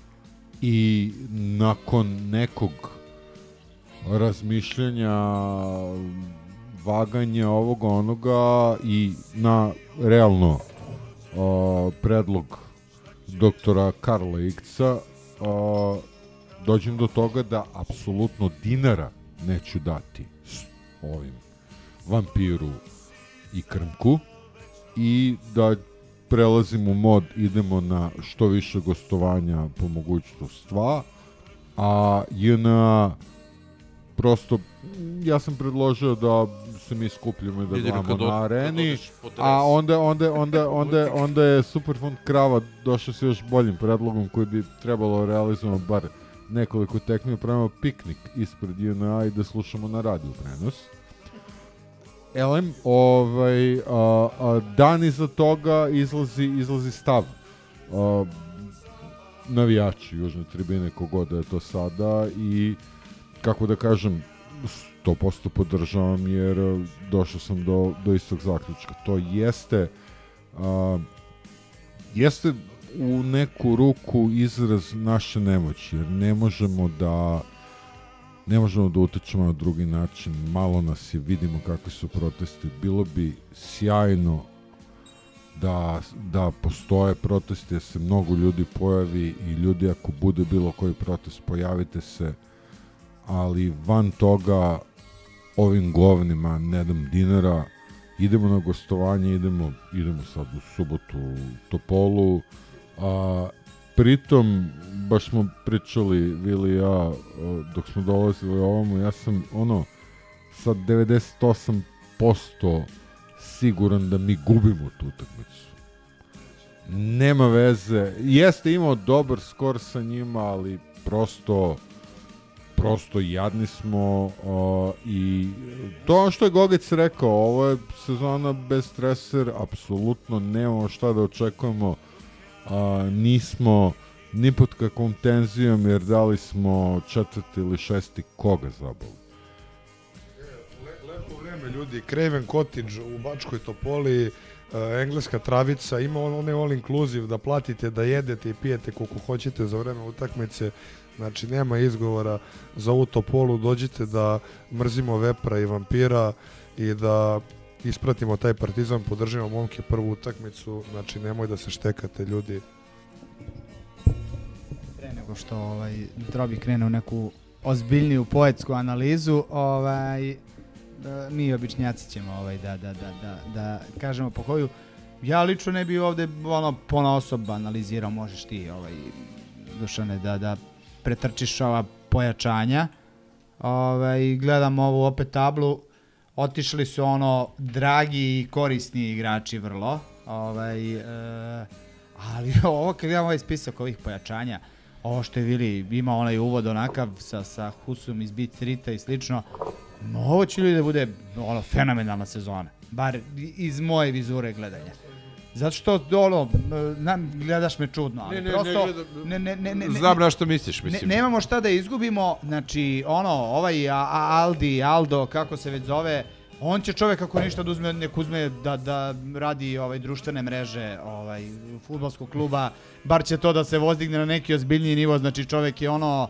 jednom objavom kad je potpisao popišao Biljano Obradović i ceo taj ovaj marketing tim Partizana, bukvalno, tako da on ne treba da brine i ako ne bude ovaj lažni suma kako ti reče, ako je to taj, a mislim da jeste. Znači, ovo kad pogledaš ovo, se, se. Severina, ovaj lažni, ovaj Firminjo, Aranđel Golubović, razumeš, uh, uh, ovaj što je guzicom dao gol u derbiju, znači ljudi, ovo, ovo će da bude fenomenalna sezona. Pa ne, ali, ali stvarno ovo ne može da bude loš. Znači Šćekić koji će im polomiti... A, znam, brate. Znaš šta je koji, Demba? će- koji, koji će im oči vaditi u derbiju. Znaš šta je Demba rekao? Znači, Rekao je... će bude odlična sezona. Rekao je, ovo će biti ili neverovatno dobra sezona, ili potpuni fijasko, ali u svakom slučaju će da bude zabavno. Ne, ne, ja, bi, bit će Ja svakako zabavno, ali evo ja ću Ja ja ne znam- javno da kažem, ja mislim, nisam ubeđen. Ljudi, znači, to prosto, je- Mislim da će ovo da bude uh, jedna mnogo sezona iznad svih očekivanja u onom sportskom delu, ako u, u futbalskoj super ligi Srbije nešto može da bude sportski, znači gde, gde predsjednik Saveza kaže, ali vi ste nameštao, on znači, to je podpredsednik ovaj, Saveza, priznaje da je prvenstvo namešteno i, i hvali se o tome da, da su oni dokazali da je prvenstvo namešteno. I, što- mislim, i mi se nečemu nadamo u takvom prvenstvu. Mislim, Prosto, znaš kako, Izvini, ovo što je rekao Milorad, ovaj, ajmo na gostovanja kad ko može. To je crkva. Znači, ovaj, aj, rekao je, ovaj, da. A, ajmo na gostovanja kad ko može. Ja sam ubeđen već u subotu da će da bude apsolutni spektakl od, od, od, i od vređanja i od prozivki i da će lepo je vreme, jeste sezona godišnjeg odmora, ali će dosta ljudi doći. Ljudi su se, koliko god bila ovakva situacija, vole futbal, uželeli futbala. Na onom malom stadionu će izgledati kao da nas ima puno. Tako da, Pričali smo o kreku malo pre, šta je to? Ko će da dođe? Evo, gledaj. bre, za koje Tirani pare? Sivac. Ma dođu Grobari bre. Čonoplja. Ljudi, ljudi, nećete imati... Uh, uh, ne, to se tu da. Ali ne JNA. Ne pričamo JNA. JNA je priča Bili, samo ad da, acta. samo da se nadovežem na ovo što je Gogić Ajde, ajde, rekao. izvolite. Znači ovako, neću da analiziram uh, igrača po igrača, pošto mislim, ka, mislim da pod jedan nije, mislim nije fair. Po dva, uh, ne mogu da pričam iskreno o Aldu, Severini i Mateušu Saldanji, pošto ih nikad nisam gledao mimo ovih klipova. I, Ako ih ti nisi gledao, onda pa ne, stvarno. stvarno nisam, mislim, ne. Ti si ono Histijev Lokner, brate, kad ti nisi gledao, onda... Sve Gledao sam klipove, ali to, ali to ne, ne, ne, ali ono što je mnogo bitnije, nemam pojma kako će da se uklope ovaj sistem, ne znam u kom su stanju. A ove Koji poslednje sistem, brate, to mene poslednje zanima. dve utakmice pri, pripremne protiv zgrovih komšija i to treće pozivaca i protiv metalca koji je trenutno drugo, drugoligaš uh, su bili zatvorenog tipa i nismo videli ni snimke, tako da ne mogu da, ne mogu da donesem sud. Videćemo, uh, zvuči čudno, zvuči neobično, dovodiš igrače ovaj, iz kluba koji je ugašen, ugašeno, prebačeno neki, u ovaj, amaterski znak. rang, ali s druge strane da zvuči potpuno bizarno da kao Partizan plaća milion i 300 hiljada obeštećenje za igrača koji je iz druge japanske lige pozemljen u Nefči i to u trenutku u kome nema dovoljno para, mislim, ceo grad zna da je blokiran račun i nisu imali dovoljno novca da plate kartu do u Nion. Prvi put, znači, nismo imali predstavnika na, na, Čoveče, na bre, žrebu. nemaš struju, bre, kakva karta, kakvi... Kakvi E, 300.000 maraka, Znači, brate, ovo je, burba. ovo je, na, ovo je latinoamerički nadrealizam. Čak Ovo? Je, evo, Trobog se smejulji. Ovo je bukvalo bolanje, ovo je čile noću, jebi ga. Ne, Ovo, ne ovo, je, šta. ovo Picasso crta, pa zna, Slušaj. ne, Salvador Dali, pa ono oko, da. E, ovaj, ali ne, bilo bi nefer da mi se donosimo stavove, znači ti igrači mogu, i imali smo XY primjera, znači ne jedan primjer. Imali smo da Sadik koji, koji je bio ono za Rangers flop of the century, uh, Asano Samo koji se je igrao šta drugu ligu. smo Sadiku pričali sa onim Tavamba, telefoniranjem. Tavamba koji je šokirao Marka Nikolića kada ga je video u, u Brate, teleoptiku kod Masera. imao si ono- Ricardo koji je igrao drugu ligu Portugala pa postao najbolji strelac u istoriji Imao si prvo Partizana. Sava Miloševića koji je sanu za, za Duljaja. Sačekaj, I imao si onog njegovog... Molim te, O, da izvini, ajde, završim. dobro. Sačekaj, molim te, završim. Znači, postoji postoji više ovaj, ono, ali što bi rekli da ne imenujem strepna mi je dublje od nade, ali eto, nadam se, kao navijač, mislim da je, da je normalno, da je normalno legitimno nadati se da će, da će od ovoga da ispade nešto, nešto okej. Titulu sigurno nećemo osvojiti, ali evo, nadam se da ćemo, ako ništa, da prođemo Sabah, kad ga dočekamo sa, sa šeitanom i da onda, ako nas usere žreb, kao što nas nije usrao ranijih godina, da se nekako uvučemo u tu ligu konferencija, to bi bila sjajna nagrada za ovaj tim, ali mislim da je to da je to ovaj, u ovom trenutku onako ozbiljna ozbilj, mislim veliki znak pitanja. Elem, ima tu i igrača koji su koji su provereni i koji će dati neki kvalitet ovom timu. Saničani. Aranđel. Aranđel koga smo On je desni bek, tako? Da, on je desni bek, on može igra iz zadnjeg veznog. Dobro je, Njega je i brate, Sav to mi je najvažnija da pozicija. dovede. Igra na poziciji Miljkovića. Da, samo da se ne... Ovaj, on je igrač koji ono, mislim da je odličan za, za ove domaće, domaće uslove, dobar takmičar. Aranđele. Nije, nije za zanemariti da je direktan konkurent za treće ili četvrto mesto TSC oslabljen na ovaj način. A, Jebote, pričamo o TSC-u kao konkurentu. Pa pričamo o TSC-u koji igra, koji igra sa Bragom. Takođe, ovaj, lažni crk, ajde da kažem, nisam fan, mislim da je on da je on igrač za On ti trenutno on sa je igrač, Čekićem on je igrač, najveći grobar. On je igrač za futsal, ali svaka mu čast na Gospodin na, je na stavu. podigao, postigao gol u derbiju, glutus. E, da te pusti sad podsjetim. to. Ne, ne, ne, On ne, ti je ne, trenutno upravo sa- o tome pričam. Ima odličan, ima odličan stav, lepo priča i nadam se da će On je ništa trenit- da bude neki pozitivan uticaj u slačionici. Uz Čekića, on ti je najveći grobar u timu.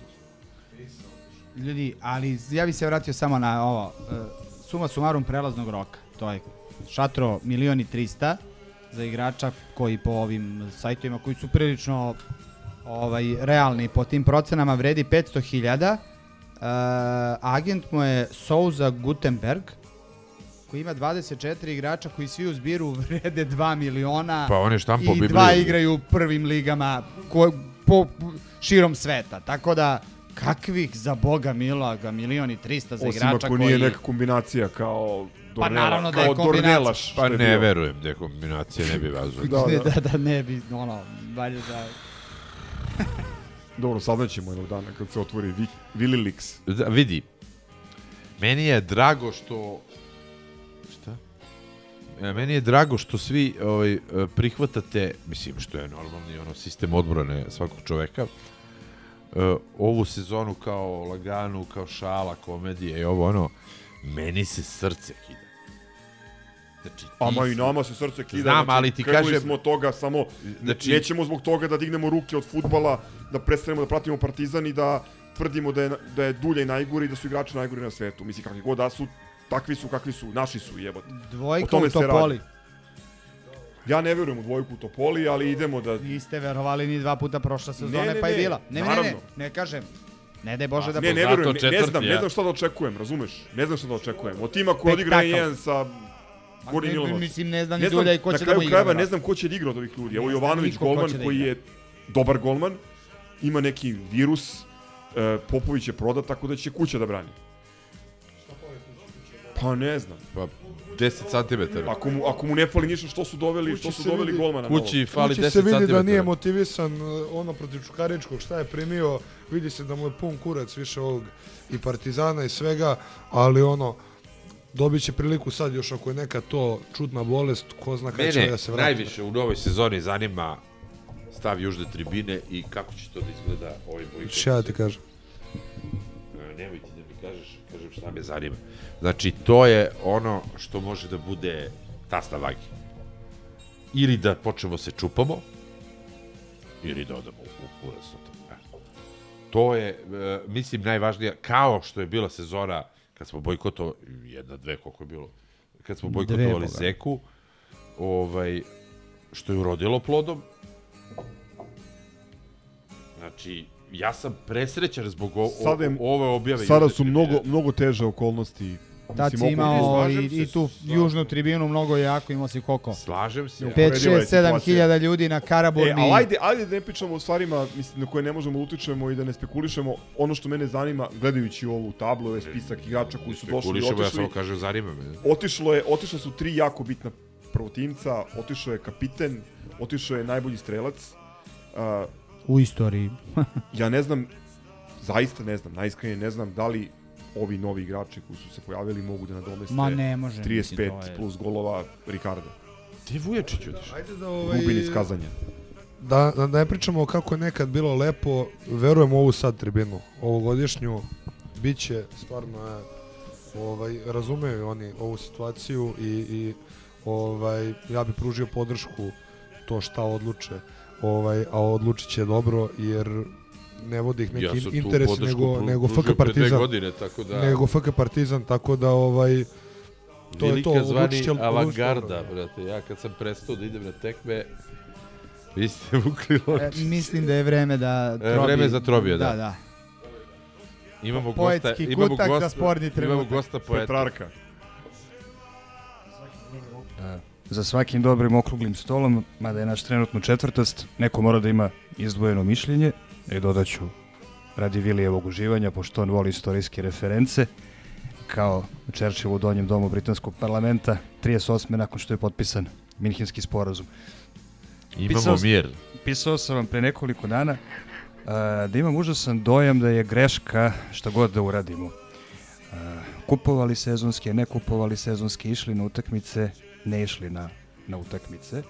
Pa ću sada Nihilizam samo i da to u podsjetim, punom sa- sjaju. Pa ću sada samo da podsjetim zašto mislim da je bojkot utakmica na JNA greška. Uh, već sam govorio o tome prošlog leta u emisiji, u sjajnoj emisiji u kojoj smo bili samo Crk Milenko i ja. Znam šta Pisao ste sam šta više leta. o tome u fanzinu koji su neki od uh, slušalaca čitali, ne, neću sve ponavljati, dodaću samo Dodat ću samo nekoliko detalja.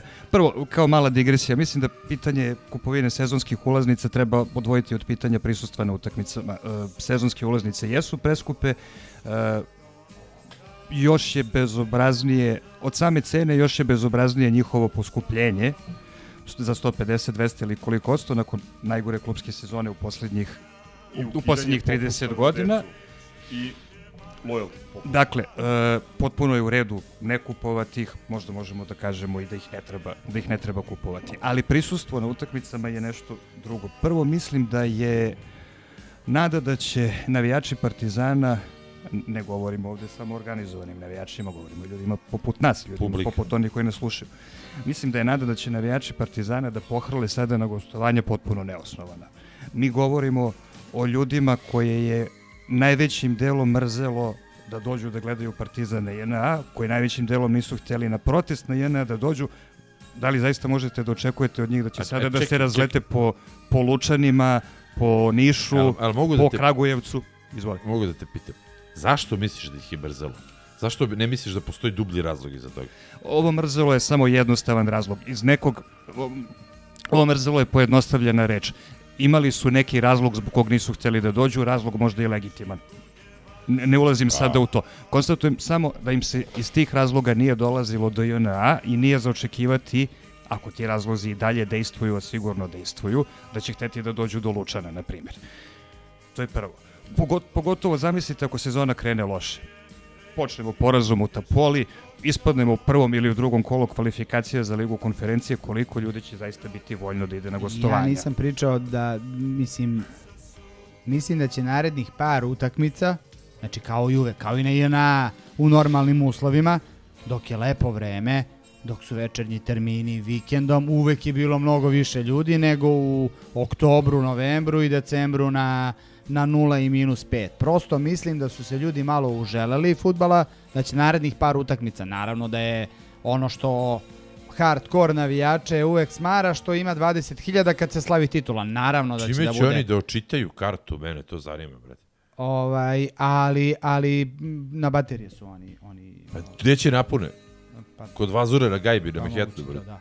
Ovaj, ali, ali mislim da će to. Biće zanimljivo jer su 90% gostujućih stadiona su mali stadioni gde 300 i 500 ljudi pravi neku razliku, a apsolutno ima 300 i 500 onih koji vole vikendom da se druže sa drugarima, odu u kafanu i pogledaju Partizan. Da, mislim, neće hrliti, da, neće biti hiljade, neće biti Niš 2000, maj 2017. ni blizu toga, ali prosto ako 800 do 1000 ljudi ode u Topolu, to jest dođe na stadion u Topolu, to je ozbiljna brojka na taj stadion i na, na sve okolnosti.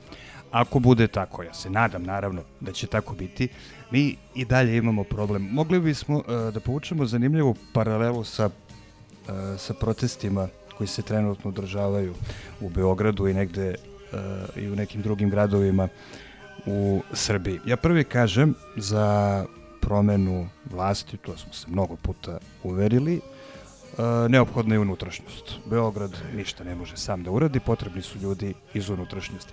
I zato, recimo, mislim da bilo koji protest u Zrenjaninu ili nekom sličnom gradu koji okupi 500 ljudi je veći razlog za radost nego 50.000 ljudi u Beogradu. Međutim, u konačnici, kao i uvek, promena mora da se desi u Beogradu ti ljudi iz unutrašnjosti mogu da počnu i treba da počnu svoje proteste u svojim gradovima, ali na posledku će morati da dođu u Beograd. Naša priča je ista. Čak i da nas se okupe hilj, ne, nenada, čak i da se nenadano okupe hiljade na gostovanjima, Hiljade mi ćemo na kraju morati da se okupimo na JNA. I mi nigde ne možemo ni teoretski da se okupimo u onolikom broju u kome možemo da se okupimo u kome možemo da se okupimo na JNA. Kada kažem okupljanje na JNA, ne mislim nužno da se ide na utakmicu.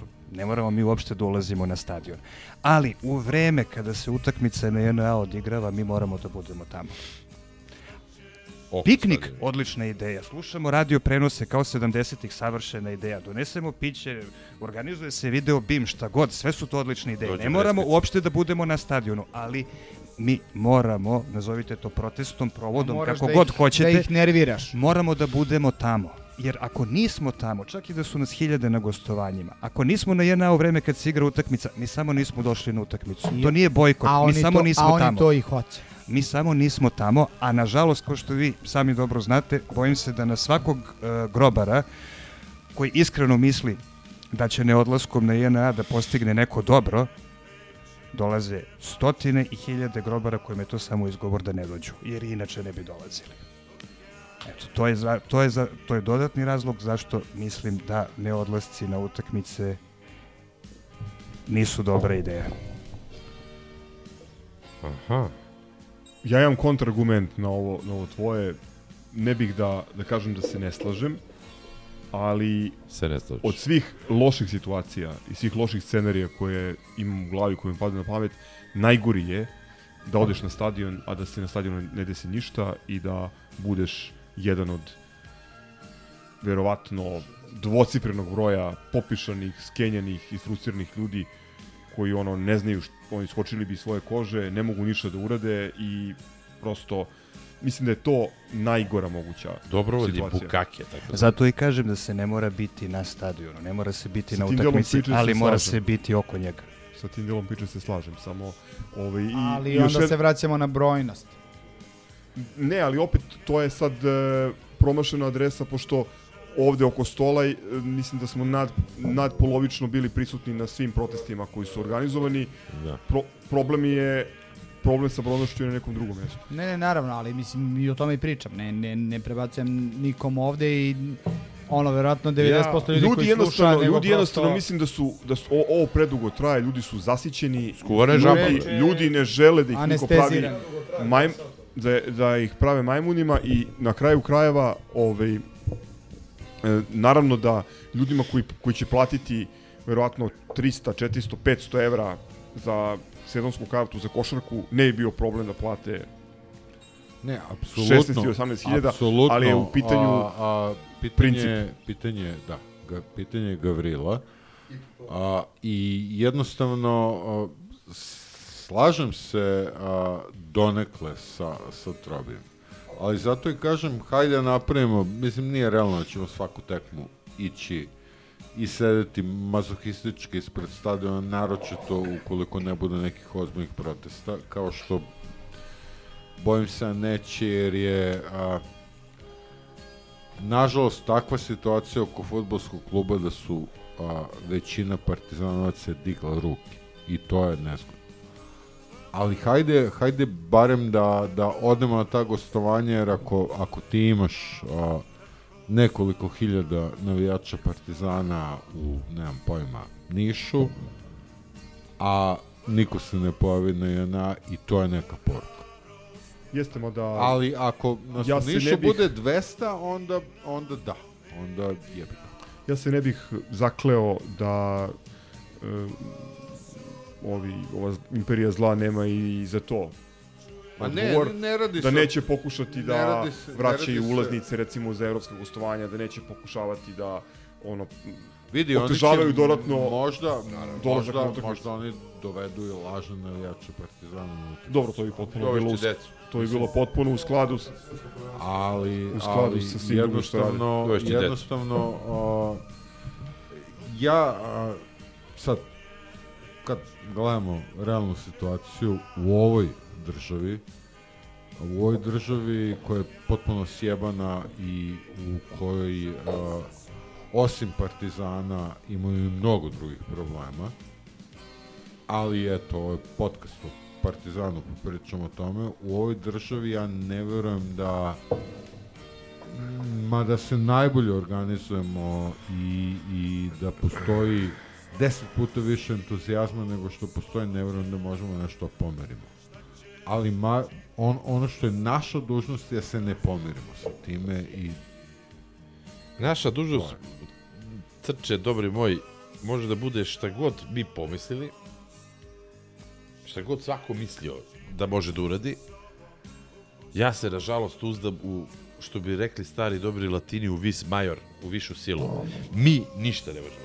Pa o tome ti pričam bukvalno. Ni jedan navijač, ni 10.000 navijača, Bukvalno ne ti možemo pričam, ništa. bukvalno, bukvalno pričam o tome i, i jednostavno o tome da a, nemamo a, nemam bilo kakvu iluziju da imamo neku moć da Nikakvu. napravimo neku promenu, 10.000 ljudi, ali osjećam, depe- defetisti. osjećam dužnost da, da, da budemo tu i da iskažemo protest. Eto, to je 10.000 to. ljudi je onemogućilo da se drugi put uvede vanredno stanje, na primjer.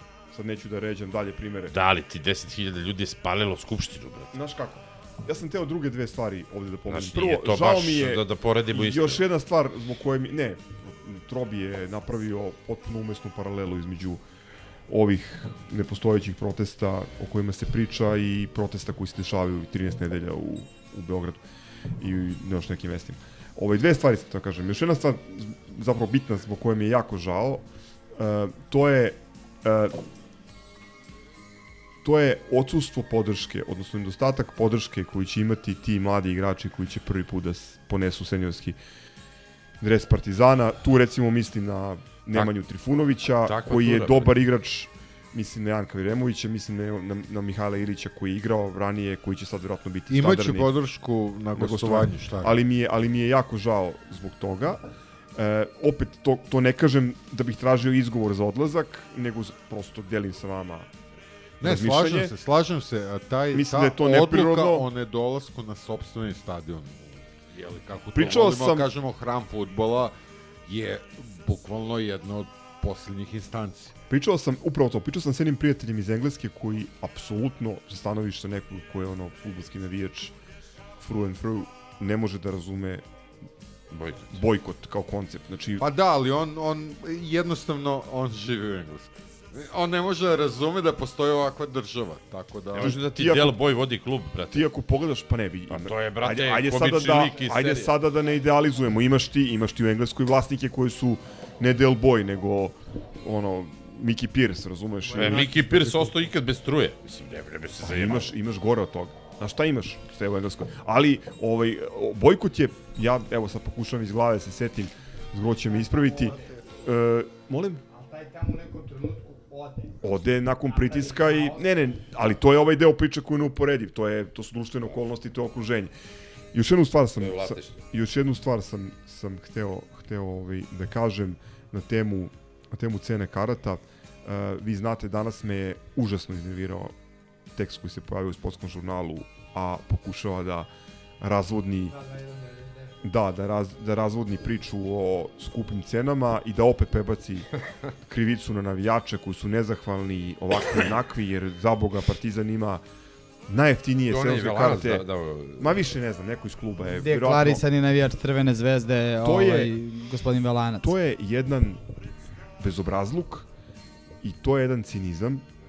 Čovek je napravio kalkulaciju, ne znam da li je on ili neko treći, kalkulaciju kalkulaciju na osnovu koje je uračunao u cenu koju pokriva Da. tu cenu puta 3, recimo konkretno za mesta koje ja imam, e, uračune utakmice, četiri utakmice u kupu, utakmice u Evropi, Verovatno do polufinala ovaj, Lige Evrope. Ne, ne znam kojom matematikom je došao Znači, do... neverovatno. Istovremeno, Samo da vas podsjetim da sezonska nikad nije važila van kvalifikacija, tako da je ta matematika pada u vodu odmah. ne, ta ideja, ta ideja da sezonska važi za sve ulaznice, za sve utakmice je okej, ali e, to ne radiš u ovakvoj sezoni, ne radiš, mislim, taj famozni kontekst o kome pričamo sve vreme ili koga obigravamo sve vreme. Ti si imao najlošiju sezonu, rezultatski, Od u koje, modernoj od 90. istoriji. ili kako već beše. U modernoj Plasman. istoriji kluba, pri Da. čemu nije uporedivo velika liga i ova liga. Ne, ne, ne bitno da li je uporedivo, ali I prosto... ti u tom trenutku lansiraš Fakti. neki membership program i povećavaš cene karata 300%. Istovremeno, ono što je najveći bezobrazluk i što mislim, svako od nas ko, ko redovno uzima 20 plus godina sezonske, mora da shvati lično. Ne može drugačije nego lično. Da ti ne uvažavaš lojalnost navijača i da ukidaš popust za dečije karte. Pa taj gospodin koji je napravio kalkulaciju po kojoj su Partizanove karte najjeftinije, samo da ga obavestim, pogledao sam sada pregled svih cena u celoj premier ligi, za tri kluba koje me interesuju, sa kojima imam neke veze, u, u svakom klubu je dečija karta jeftinija od Partizanove za mesto na, koj, na kojem ja sedim, znači bok, zapada, nema veze. Tako da ta priča o najjeftinijim kartama, to može da priča novinarima sportskog žurnala, to je bezobrazluk jedan. To je jedan veliki bezobrazluk. I na kraju krajeva, na kraju krajeva, e, mi govorimo o članstvu. Mi govorimo o sezonskim kartama koje se puštaju tri ili četiri dana pre nego što je trebala da počne sezona. Mi govorimo, to je potpuno nenormalno, sve skupa. Govorimo o premijeri premijeri pred početak sezone koja je zatvorena ne za publiku, nego za koje ne postoji prenos. To, kako god okreneš, nije normalno. Ljudi, propast Partizana, prvo ovako, ne treba bude tema koju ćete da raspravljate na kafi sa drugarom, jer nećete ništa uraditi time. Ovako, pravio sam jednu računicu, sad ću vas morim malo ovaj, pred, da pred kraj emisije, slušaj. Da, da vas morim malo pred, pred, kraj, pred kraj emisije, nadam se da je kraj, nadam se da je kraj, jer pričamo već mnogo. Pa, I, nije to Ilija, još gotovo. Il, Ilija je isključio pre Nije sat. dovoljno još sve propalo. Ilija, Ilija je isključio pre sat i po, ovaj, ovako. Imamo prosek neki od hiljadu i po ljudi. Evo ovako, ja sam pravio računicu, jednu stavio sam na papir, bio. Iz, izvukao sam neke kretenske podatke, ovaj, da, rekao sam da ću vas morim sa ovom informacijom, ali možda bude zanimljivo nekim slušalcima koji su potpuno prsli. Ovaj, e, da kažeš da se da Beograd ima 2 miliona ljudi. Da kažeš da ima žena više nego muškaraca, znači 800.000 muških. Da izuzmemo znači samo ljudi da ostavimo od 15 do 65 godina koji žive u radijusu od 50, hi- od 50 km okolo stadiona. Znači, kaže da od 800.000, znači da oduzmeš 200.000, to je 600.000. Kaže da 400.000 na, navija za cigane. 500.000 nek bude. Znači 400.000 da, da navija za cigane i da od tih 200.000 Partizan aktivno prate 50.000 ljudi. Od, od tih 200.000 koji se deklarišu kao grobari. Između 15 i 65 godina. 200.000 ljudi Znači da ti imaš 1000 i po prosek na stadionu gde je unutrašnjost minimum 50%, da ne kažem da je više. 750 ljudi. Od tih 50.000 ljudi koji aktivno prate i deklarišu se kao partizanovci, dođe 750 ljudi. To je za mene blam, ko nas jebe i nek dignu sezonski i svi da idemo u pičku materinu i treba pišeju po nama kad nemaš i tu masu, kad je partizan pomodarstvo za neke ljude, ja ne, nemam šta da Vaješ na dodam pogrešno više. drvo. Ne, ne, ne, generalno, uh, na, Nisi- na, naravno da je problem veliki tu. ovo sve, ali kažem da imamo masu, da imamo brojku, da imamo sve to, niti bi smeli da rade ovo s nama, niti bi sme, ne, Ne. bi smeli, ne, ne bi smeli, ne bi smeli, bilo je Mnogo si ti čitao gazire fanzine, da ti ja Znači, kažem, brati. U stvari ja sam malo analizirao posete i na međunarodnim utakmicama od, od ajde da ne idemo dalje od 96. ono što bi bilo od, od posle sankcija znači svi pričaju da dođe 20.000 dođe pet, kojih 20.000 i 15.000 grobara znači uvek je bilo leti na otvaranju sezone kad je lepo vreme kad je neki ono flora kad je neki uh, ovaj kako se zove ono. Rumuni ovi oni to je 8 10 12 hiljada Nemoj da se zanosimo. Kad smo imali, ja uh, sam prva utakmica koju sam gledao... Soči 17.000, to je najveća poseta Budućnost. u tom letnjem periodu. Budućnost. A- Dobro, ali to je bila Liga šampiona. Ali- I to je bila napala Da. posle tanga smrti. Da, da. kako god ima imalo je ovaj znači to nije nije nešto što je d, e, e, e, uvek bio slučaj. Znači imaš ono ekstreme, imaš pikove neke, u nekom trenutku bude 20.000, 23.000 i, i, i slično. Kroac. Ali, ali, pa bilo je, Da, pa, da, brate, da. ali, ali bilo je, prosek ti je Evropa, opet kažem, lepo vreme, evropska utakmica, popularne cene ulaznica u, u tim periodima. Znači, to je neki broj. Kad smo imali, ako se ne borimo za titulu, ne slavimo titulu, koji je prosek bio na partizanovim utakmicama poslednjih 30-35 godina? Moram svi- da a- dam a, a, a, ali citiramo, mislim, sinoć smo imali na ovoj jednoj malo većoj grupi te rasprave, kao da nas dolazi dv- 10.000 svaku, bila bi razlika. Kad nas je dolazilo 10.000 svaku?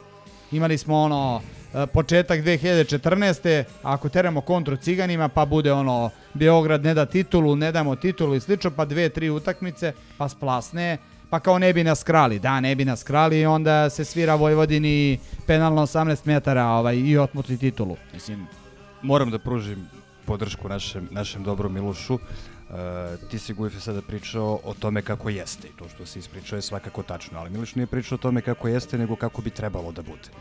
I na toj utakmici protiv Vojvodine koju pomenješ, e, nas nije bilo puno jer je bilo loše vreme. E, tog proleća nas jeste dolazilo više nego inače 10-12 hiljada protiv Slobode iz Užica, na primer, ali protiv te Vojvodine bilo nas i upola toliko jer je padala kiša. A, ono u što sam siguran da je, siguran sam da je Miloš u pravu u toliko da je teže krasti na stadionu na kome je makar 20.000 ljudi nego na stadionu na kome su, na kome su 2.000. Uostalom, ovde će se sigurno svako saglasiti da je pakao koji smo napravili u areni u petoj utakmici finala ABA lige zaslužan za to što smo imali dobro suđenje. Šta kažeš, teže je krasti. Dobro, pa ja- pomenuo ja- si derbi gde su rasvirali dva penala i to najveći sudija Bažić. Ali važan je i kontinuitet. Ako se ako sudija na I nije do- do- do- protiv Javora i protiv Cigana. Da, mislim. do, dobro primećeno, ali ima i odgovor na to. Važan je kontinuitet. Ako taj sudija zna da smo se samo na toj utakmici okupili u tolikom broju, a da sledeći put kad dođe da nam sudi, neće biti derbi, nego će biti Javor i doći će nas 2000, zna da će biti bezbedan. Ako zna da će na sledećoj utakmici na kojoj dođe opet da bude nas 20.000, mislim da će mu biti teže. Samo ti meni odgovori kad nas je bilo u kontinuitetu u tom broju. Nije, ali, ali A Miloš zašto- i ne a- govori a- o tome što ali jeste, nego šta treba da bude. Dobro, ali na osnovu čega mi gajimo taj famozni optimizam da nas ima 20.000? Nije ovo optimizam, mi ne kažemo da će biti tako. Samo Mislim, da bi ljudi tako gledaju trebalo. da košarku, ljudi gledaju košarku i onda lenjo zaključuju da bi ti isti ljudi koji dolaze u arenu mogli da dođu na stadion. Ljudi, moram da izdvojim mišljenje kao pristalica ranije te škole, da nas više dolazi, a, bio bi veći pritisak i to je apropo i one izdaje Da, da. i onog, onog Vilijevog traktata replya, Disa, takozvanog. Ma ni Dis, A, to samo.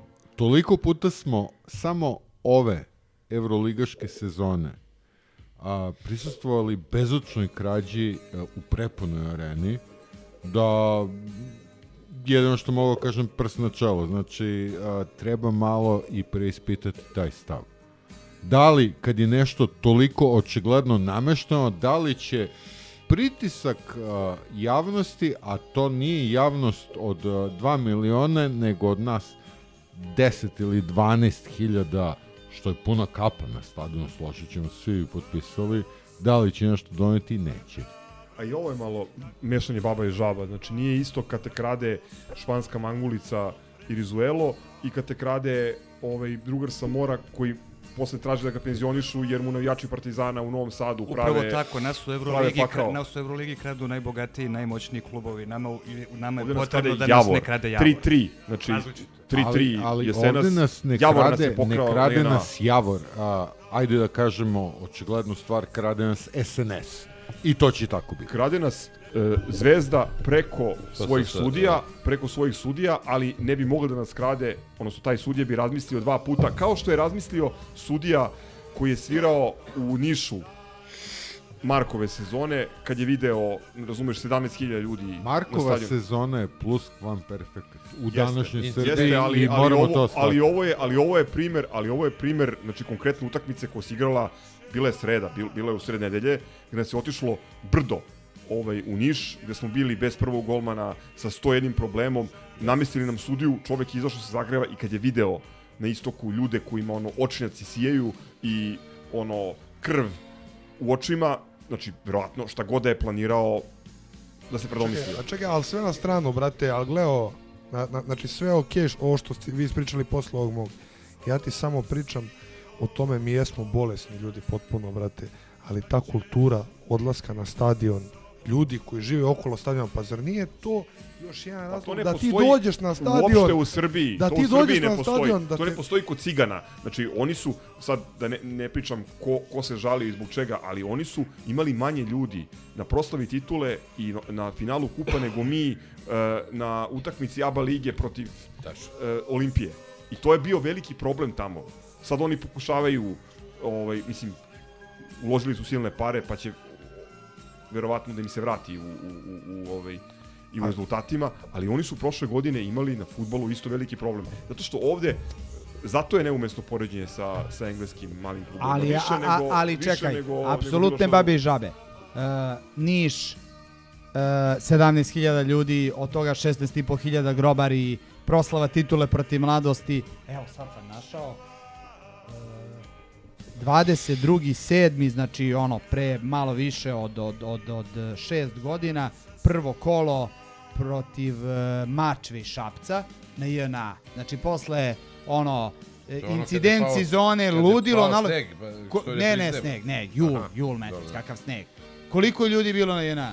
Dve ili tri hiljade. 3, 4 hiljade. Čemu priča? Kakvim očnjacima? Kakvih 20.000 besnih grobara? Znači, nemoj da se zajebavamo, sve, okej. sve je to u redu Ma i u toj ni- i u toj Markovoj sezoni i u, i u tom e, tokom tog Markovog proleća mi smo imali lošu posetu na većini utakmica. I- polufinala koliko kupa mi danas Vojvodine. mit, I koliko to šta bi mi mi voleli da jeste. To je ona varijanta kako oni mimovi, a, a, kako bi ja voleo da jeste i šta u stvari jeste. Znači, mi se neosnovano lo, ja mrzim kad sam A real... o čemu mi se pričamo uopšte? Ne znam. Ja ne znam šta vi Želimo nešto da popravimo, Ne, moramo da govorimo o tome šta bi trebalo da bude. Ovaj Koliko ljudi star- aktivno ovaj prati- star mali, pa da šta bre prati Koliko tržišna prati ekonomija, toleta ko bre- tipsa svaki dan ljudi? A koga boli Koliko kurac za grobara toleta tipsa? koji, Ja tebe ono, pitam. znači gle ovo, Čoveče, koji, koji sve to razumeju, kapiraju situaciju. umeđu- Stani, ti znaš šta se izdešavalo umeđu vremenu?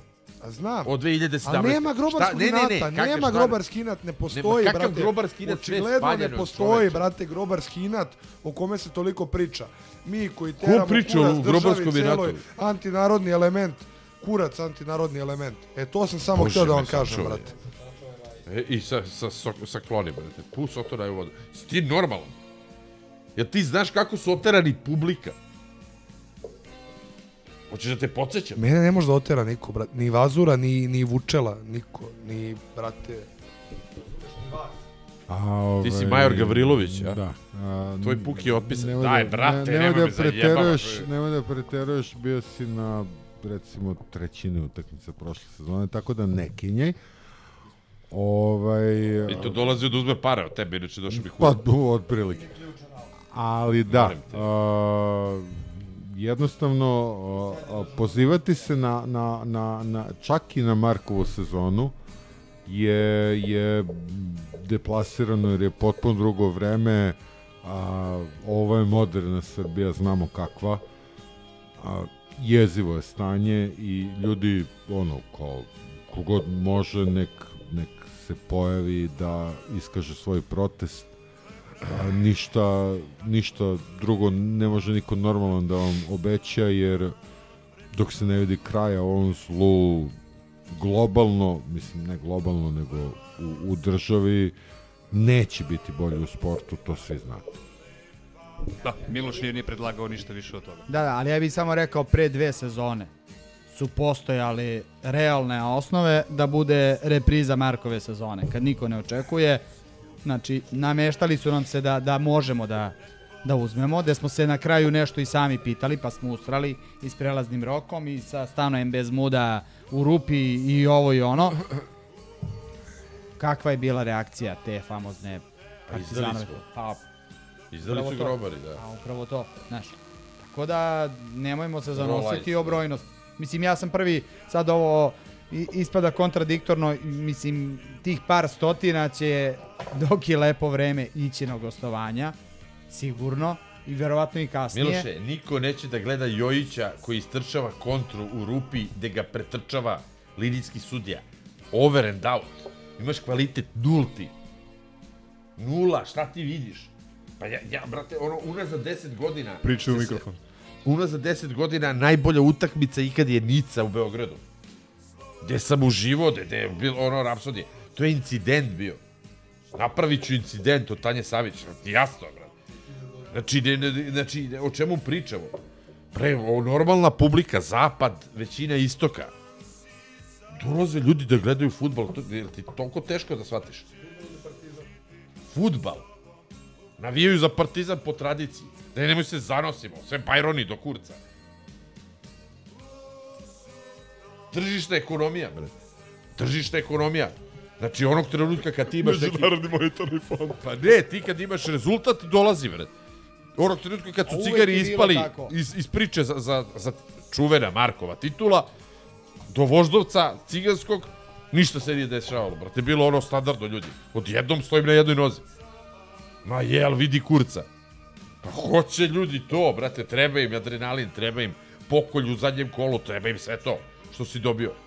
Što imaš ono, kad je Lester uzeo, kad kurac, palac, Lazio, ovo ono. Što će biti nekad Hoćemo, kad, kad hoćemo, ponovo uzmemo titulu fudbala. Kada Neko je, neko je lepo rekao, ajde sad moram da vas prekinem, pokušam da vratim ovo u, u neki, u normalan tok. Neko je rekao da bi nas verovatno kao klub vratilo u vinklu da ispadnemo u beogradsku zonu. Tako je. To Ja- bi ja- verovatno ja sam- slažem. Da ne i- tražim sad, vratilo bi i dušu i publiku, eto, to sam ja napisao danas ili juče. u tom divnom u sudijenu poruku da, Da završamo. krenemo na stalne rubrike. Ne, ne, ja bih samo još jednu stvar vratio, a to je, ne, ne, dobro. Gufe, ovo- šta je s tobom, brate, danas? Pa nisam odavno bio, em nismo se odavno videli, ali samo to je kratko da svi prođemo, a to je, a to je ovo što sam napisao, to je novi dres ili, ili Puma se vratila. Kako vam izgleda ono što su pompezno najavljivali bordo plave? Ja sam išao juče da kupim dres Belića i nema ni jedan artikal Pumin u butiku. A jesi Da, ali ajde sad- Pored, pored a- a- a- brnda Jesi kupio set na, na, za plažu? onda? Da, Ne, nisam, ali genijalan je, poslao fotografiju. Da, da. Set za Da, plažu. Ja da. sam mislio da se neko zajebava. Ma Znači, se ono je zajebava? nakazno u rangu uh, bandane, Šajkape. bandane i šajkape. E, Ček, ček, Set ali... za plažu, 2500 I pre, pre, pre minut i po si insistirao da vratimo u normalne tokove, ajmo sad da krenemo redom. Pa ti si kriv. Ja sam kriv, ali ajde reci šta misliš o tome kako izgledaju sve tri garniture dresova. Uvek sam za klasiku, sviđa mi se prvi ovaj crno-beli. Podsjeća me na onu lepu sezonu 98-99.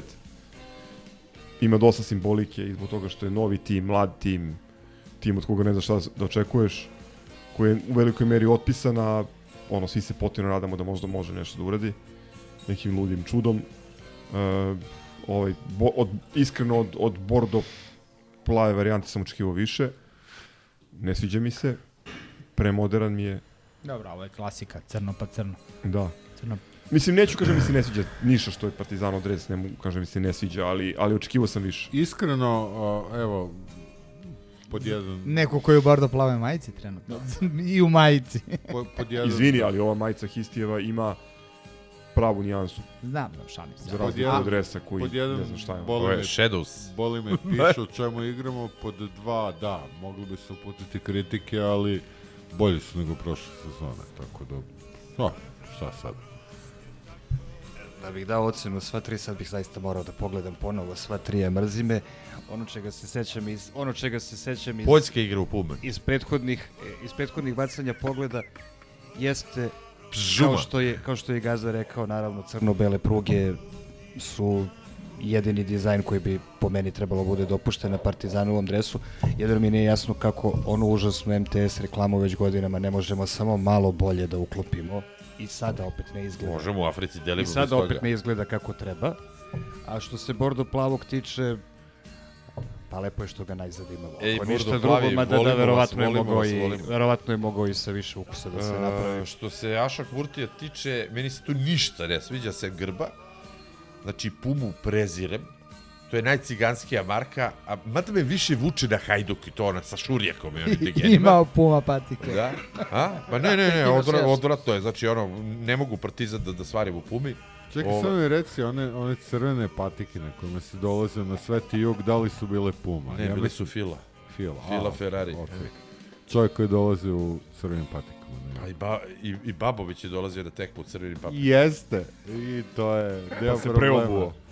Zato ga mrzeo. Zato ga mrze ovi proleteri, brate, zato što ima uspešnog tatu. E, Ovaj, ajmo stalne rubrike i, brate, da se ono, Nisam ja rekao šta odjavljujemo. mislim o dresu, molim lepo. Moramo da izguramo 3 sata da govori zemlje.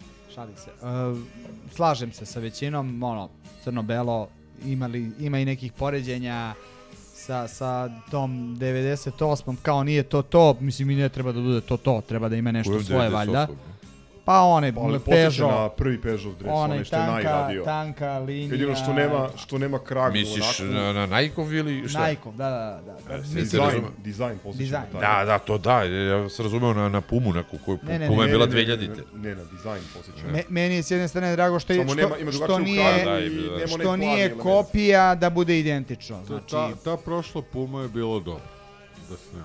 Ona protiv Porta kad smo igrali tamo, away, srebrni, gore i crno dole.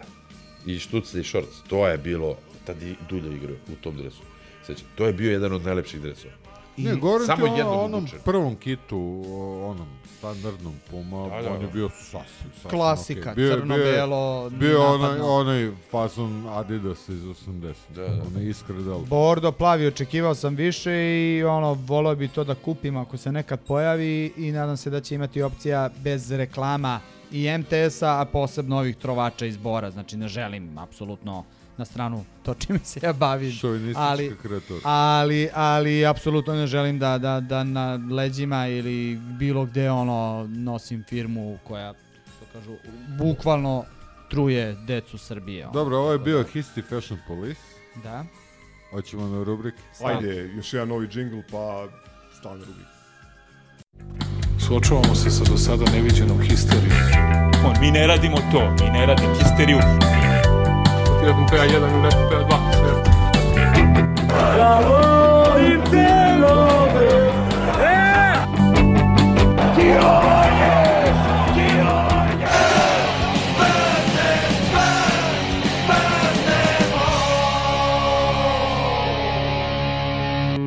Smrt fašizmu, živeo partizan.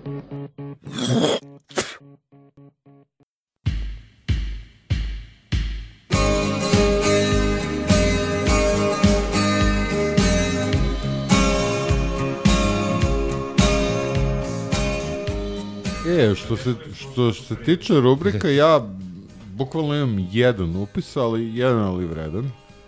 A, a u pitanju je Telegraf i naslov a, Evo gde možete da gledate uživo TV prenos meča Zrinski Slovan na kome će Boren braniti. Da, ta utakmica je dobila neverovatnu pažnju u domaćim med- medijima. Posle što, ako dobro razumem, nije primio gol na kraju. Nije, nije. Ali, da, o tome se pisalo. A, čisti čaršaf. Da. E, e, ja imam svašta ovaj, u ovom našem folderu. E, 6. jula, Mondo, naslov Zvezda deli pasoše pred Superligu. Trojica postaju u Srbiji. Bahar Možda- neće imati možda- problem, smanjuje se broj stanaca. Možda jednog dana pređe u Partizan i na nekom gostovanju ih zateknemo na, na carinskoj kontroli sa srpskog pasoša. Idemo dalje, ovo je tamo sredina prelaznog roka i sredina ovog meseca, jedan od legendarnih gardista Radovan Pankov, ali ne pokojni funkcioner SPS-a, nego ovaj Riđan što je Da, da, da. Da će Bog, da će Bog. Kaže, kad završim, uh, idem, uh, kad završim sa sezonom, idem u jednu, šta je ovo, nije dobro. Ne, uglavnom, da, ide u jednu ligu petice, nisam te u Arabiju, jer bi mi žena bila zamotana kao ninja. Oni su Otkud njemu žena, bre? to je dobro E, pitanje. ovo je isto romantizovan pregled njihovog prelaznog roka u košarci, ali nije, niko ne pominje Kamerunce, neko ne gleda e, pedigre, Krvna zrnca. krvna zrnca, matičnih Maršno rođenih. Drino se peva. Pa verovatno se peva. Uči se. Verovatno se uči. Ove, uglavnom, e, nepotpisan je tekst na MOCZ sportu. Kaže, drugi paket crno-belih pojačanja. Darija Nedeljković. Dve tačke. Lebronov miljenik, litvanski snajper i sasvim nova centarska linija. Apsolutno imaju opis prikladan za svakog igrača. E, ovo je e, Sportal RS. E, inače, to, to ste sigurno, nije Giga Sportala, znači, ovo, ovo je sad, ovo je sad Blitz, da. Inače, ovaj, možda ste primetili da je bukvalno dignut na nivo apsolutnog nacionalnog prioriteta prodaja Erakovića. Ne pamtim kad je poslednji put neko prodavan kroz sve novine, kroz reprezentaciju rukama i nogama je kopano, na kraju su valjda i uspeli da ga uvale negde. Uglavnom, dok je trajalo nutkanje, Sportov je objavio tekst E, Gotovo. nad naslov Žestok u Rusiji zbog Erakovića. Pa sad citat u naslovu. Kao cigani, uzimaju konje pa igrače. Zato A, da, da, da, žena A, a, vlasnika a, a Spartaka. ja bi se nadovezao malo pre toga, ni, e, sportske net, gotovo. Eraković sutra odlazi u Rusiju, ali se ne zna u koji klub. Znači, prosto to je... Eraković, to je onaj sa onom frizurom Ma ko da, ovca. Znači, meni je tek sad Labud. drago šta smo mu radili onomad na, na teleoptiku. Kad igra za. Tako je. Evo, ovo je isto dobar naslov. Tri velike vesti za grobare, a dve su vezani za zvezdu. Pošto smo u sredini u- meseca i dalje, ako se ne varam, pošto smo i dalje u sredini meseca, ako se ne varam, imam i ja dodatak sa jednog poznatog opozicionog glasila. E, Sjajan gest zvezde, novac zarađen u Rusiji doniraju narodnim kuhinjama na Kosovu. Na stranu to što pod svim drugim okolnostima u tom glasilu bilo kakvi prijateljski kontakti sa Rusijom bi bili problem, ovde nisu naravno problem, već iz tih kontakata može da se izrodi nešto što je sjajan gest. U tekstu stoji Podsećanje radi, futbaleri Crvene zvezde su sa maksimalnim učinkom od 9 bodova uspeli da osvoje pari kup u konkurenciji domaćeg Zenita, Fenerbahča i Nefčija koje smo savladali. Razumem da je to zato što su prepisivali sa Crvena zvezda RS ili kako Ili li se preuzeli zove, saopštenje. Sajt, preuzeli saopštenje, šta god, ali je dosta indikativno, da tako kažem. Apsolutno. To se kaže prepoznala energiju. Evo, ovaj, Bili je otišao Vjerojatno da mokro čvora. Da, ovaj, ali nje, njegov omiljeni, njegov omiljeni web writer, popularni Lastiš, e, na MSD Sportu, naslov Zvezda kao čopor besnih vukova iskidala TSC. E, a jedan od naših, evo, Trobi aplaudira, jedan od naših e, slušalaca je na ovo dodao e, Zvezda kao čopor besnih malih vukova. Ho, ho, ho, ho, ho. E, inače, Blitz više od svega voli da u onim rubrikama na strani 2 pobednik gubitnik stavi Željko Bradovića kao gubitnika. Evo, ovog meseca je Željko gubitnik zbog toga što ipak u svom timu neće imati najtežanije košarkaša u Evropi Nikolu Mirotića. I tako dalje, i tako dalje. Čekaj da probam da... je- Evo i ovaj sa lepim listovima. E, kaže, neću da ispagnem glup, ali moje odluke se ne zasnivaju prvenstveno na novcu. U podnaslovu po, počnemo ljubav iz početka. Čas- Lako mu je to da kaže ljubavi. nakon što je uzeo 2,5 miliona da bi, da bi igrao 16 protiv FNP-a i I šutirao trojke, ono, 43-3 u fi, finalnoj seriji. Ho, ho, go. Hvala. Mislim da smo došli do kraja. Imam šine do kontra. E, Republika. Da se ne ljubimo, dve tačke. Daniloviću, dosta je bilo. Srozao si na staninske grane, teraj se iz srpske košarke. Tako je, legenda, jedina legenda srpske košarke je Nebojša Čović, to mora se zna. Od uh, reakcija nakon uh, zvezdanog velikog uspeha u prijateljskoj utakmici izdvojamo, ovo je mislim B9-2, tekst sa naslovom Srpski Bayern. Uvod glasi, reči nisu naše, već generalnog direktora iz Ljutice Bogdana, te reči su realnost srpskog futbala. Ovde uopšte nije potrebno ulaziti u istinitost ono što je izgovoreno, dovoljno je, dovoljan je ovaj uvod u kome novinar priznaje da nekritički preuzima izjavu funkcionera jednog od ovaj dva najpopularnija kluba u zemlji. Ajde da- O, ovakav uvod bi bio prikladan na zvaničnom sajtu Crvene zvezde i ni u jednom ozbiljnom mediju. Ajde, ako mogu da imam zrno razumevanja za to, jer recimo u Grčkoj, koje je možda najekstremniji primjer, postoje dnevne novine koje su sklone jednom ili drugom ili trećem klubu i to svi znaju. A ovde O- su sve novine sklone jednom klubu. Hoću kažem da je problem kada javni servis koji svi plaćamo kroz pretplatu a, koristi, ne, ne znam da ste to primetili, screensaver a, u kadru kada ovaj, rade neki stand-up ili upućivanje studijima st- screensaver na kompjuteru gde je neka slika ciganske ekipe. To je problem. Ili kada onaj e, čije ime namerno ovaj, odbijam da zapamtim kada viče naša zvezda, naš šampion i doživljava orgazmične grčeve ispred mikrofona. To je, to je sve okej, pošto je to uh, Ali jav, do- javni servis uh, Evropske zvezde Srbije. Uh, jednostavno živimo u državi uh, koja, osim što je nakazna, a favorit su jedan klub. I to je tako. Ništa, ako smo... One job, one club. Ako smo, ako smo ovaj, iscrpili isečke, preporuke, da, preporuke, evo ovako, za gledanje Succession na HBO, super serija. Ru Rupert Murdoch. Manje Pa, više. između ostalog. Da. Mnogi će se prepoznati. Ja sa malim za- zakašnjenjem, ali sad imam vremena da... Ja se izvinjam. Otkud, brate? Otkud ovo preporuke u put čujem, brate? Da nije opet korona. Promašio Daj, si, promašio si. Kulturni Od dodatak. knjiga, ovo što sam, što sam ti pokazio malo čas traktor je Milan Trpković, knji, e, klub istinskih stvaralaca, a ne misli se na, na histu.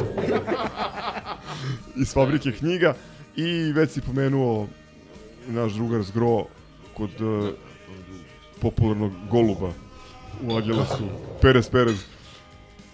Sutra valjda izbacuje na Patreona, za vikend će da... Danas Patreon i sutra... Aha, ali tako? Ok, Da, da, ništa onda za vikend da oslušamo šta je zgro. Ima da kaže najtopliji dan. u Šta me, šta me sve golub objasnio? Čestitke, želje i pozdravi. Imam ovako, znači Voja Vranje je posle toga što je postao legenda Voja Barezi, postao legenda azerbejdžanskog futbala. Trobi, slušaj, postoje sad Voja Pančevo, pošto je prešao u železničar. Moramo se skandirati. Moja Pančevac. Veliki, Voja Pančevac, bravo Miloše. Uh, veliki pozdrav za Tonija, Tonija Perkinsa i ekipu Partizan Taverna, čestitamo i drugi rođendan, napravili Drugi su, rođendan, tako je. napravili su za vikend jedan specijal Bata Session Ale, posvećen za drugi rođendan, broj 2, Batici Mirkoviću. Ako ste, Carević, ako ste u. Nottinghamu ili u okolini, navratite. Posebno se odnosi na Bajevića. Mislim, on znate. Dobro, on krene, on krene, Sheffield, Nottingham. krene u Nottingham, Kraljevo, Valjevo. završi u Ipswichu. E, I da, poslednji pozdrav za Damona Alberna, odnosno za... Ne bi poslednji pozdrav pomeri se s mesta, molim te. u emisiji.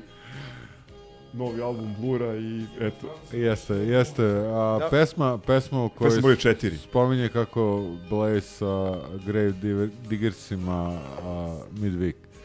Vjerojatno U. Beogradu. Da. Ovaj, ja imam jedan pozdrav a, za Đoleta iz Višegrada, upravo sam saznao za novog našeg velikog fana, pa želim eto da obodrim naš fan base. Pozdrav.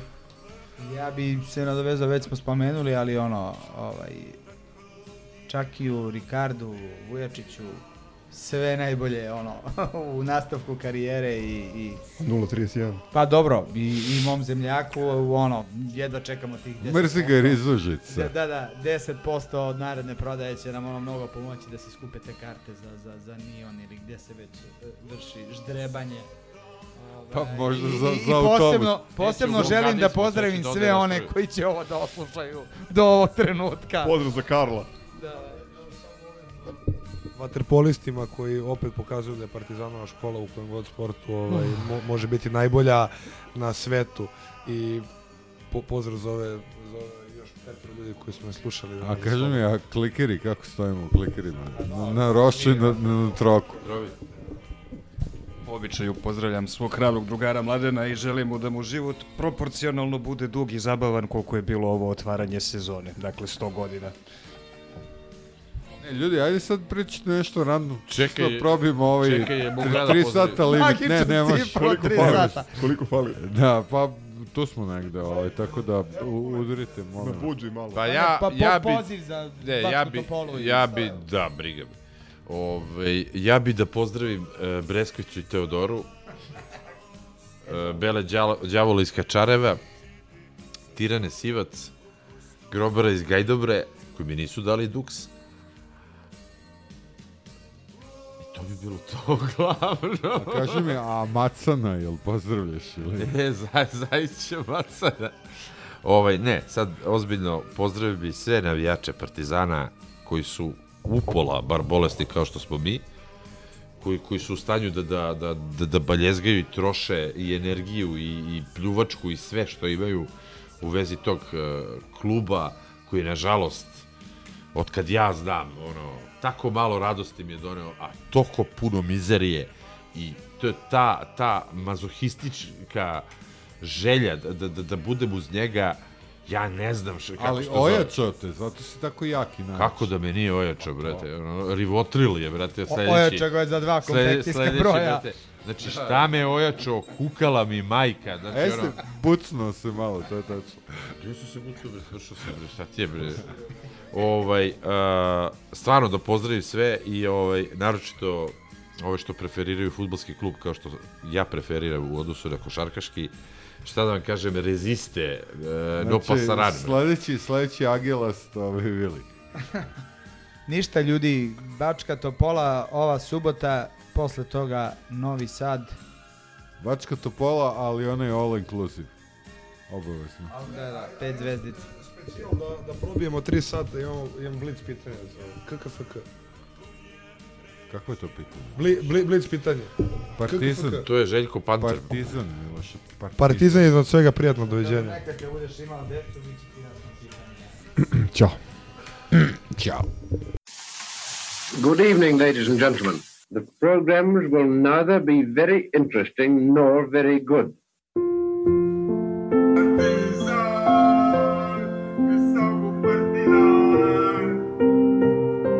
Vikanje, ovo urlanje, Od dva sluga treba se zostavlja ne ekipa.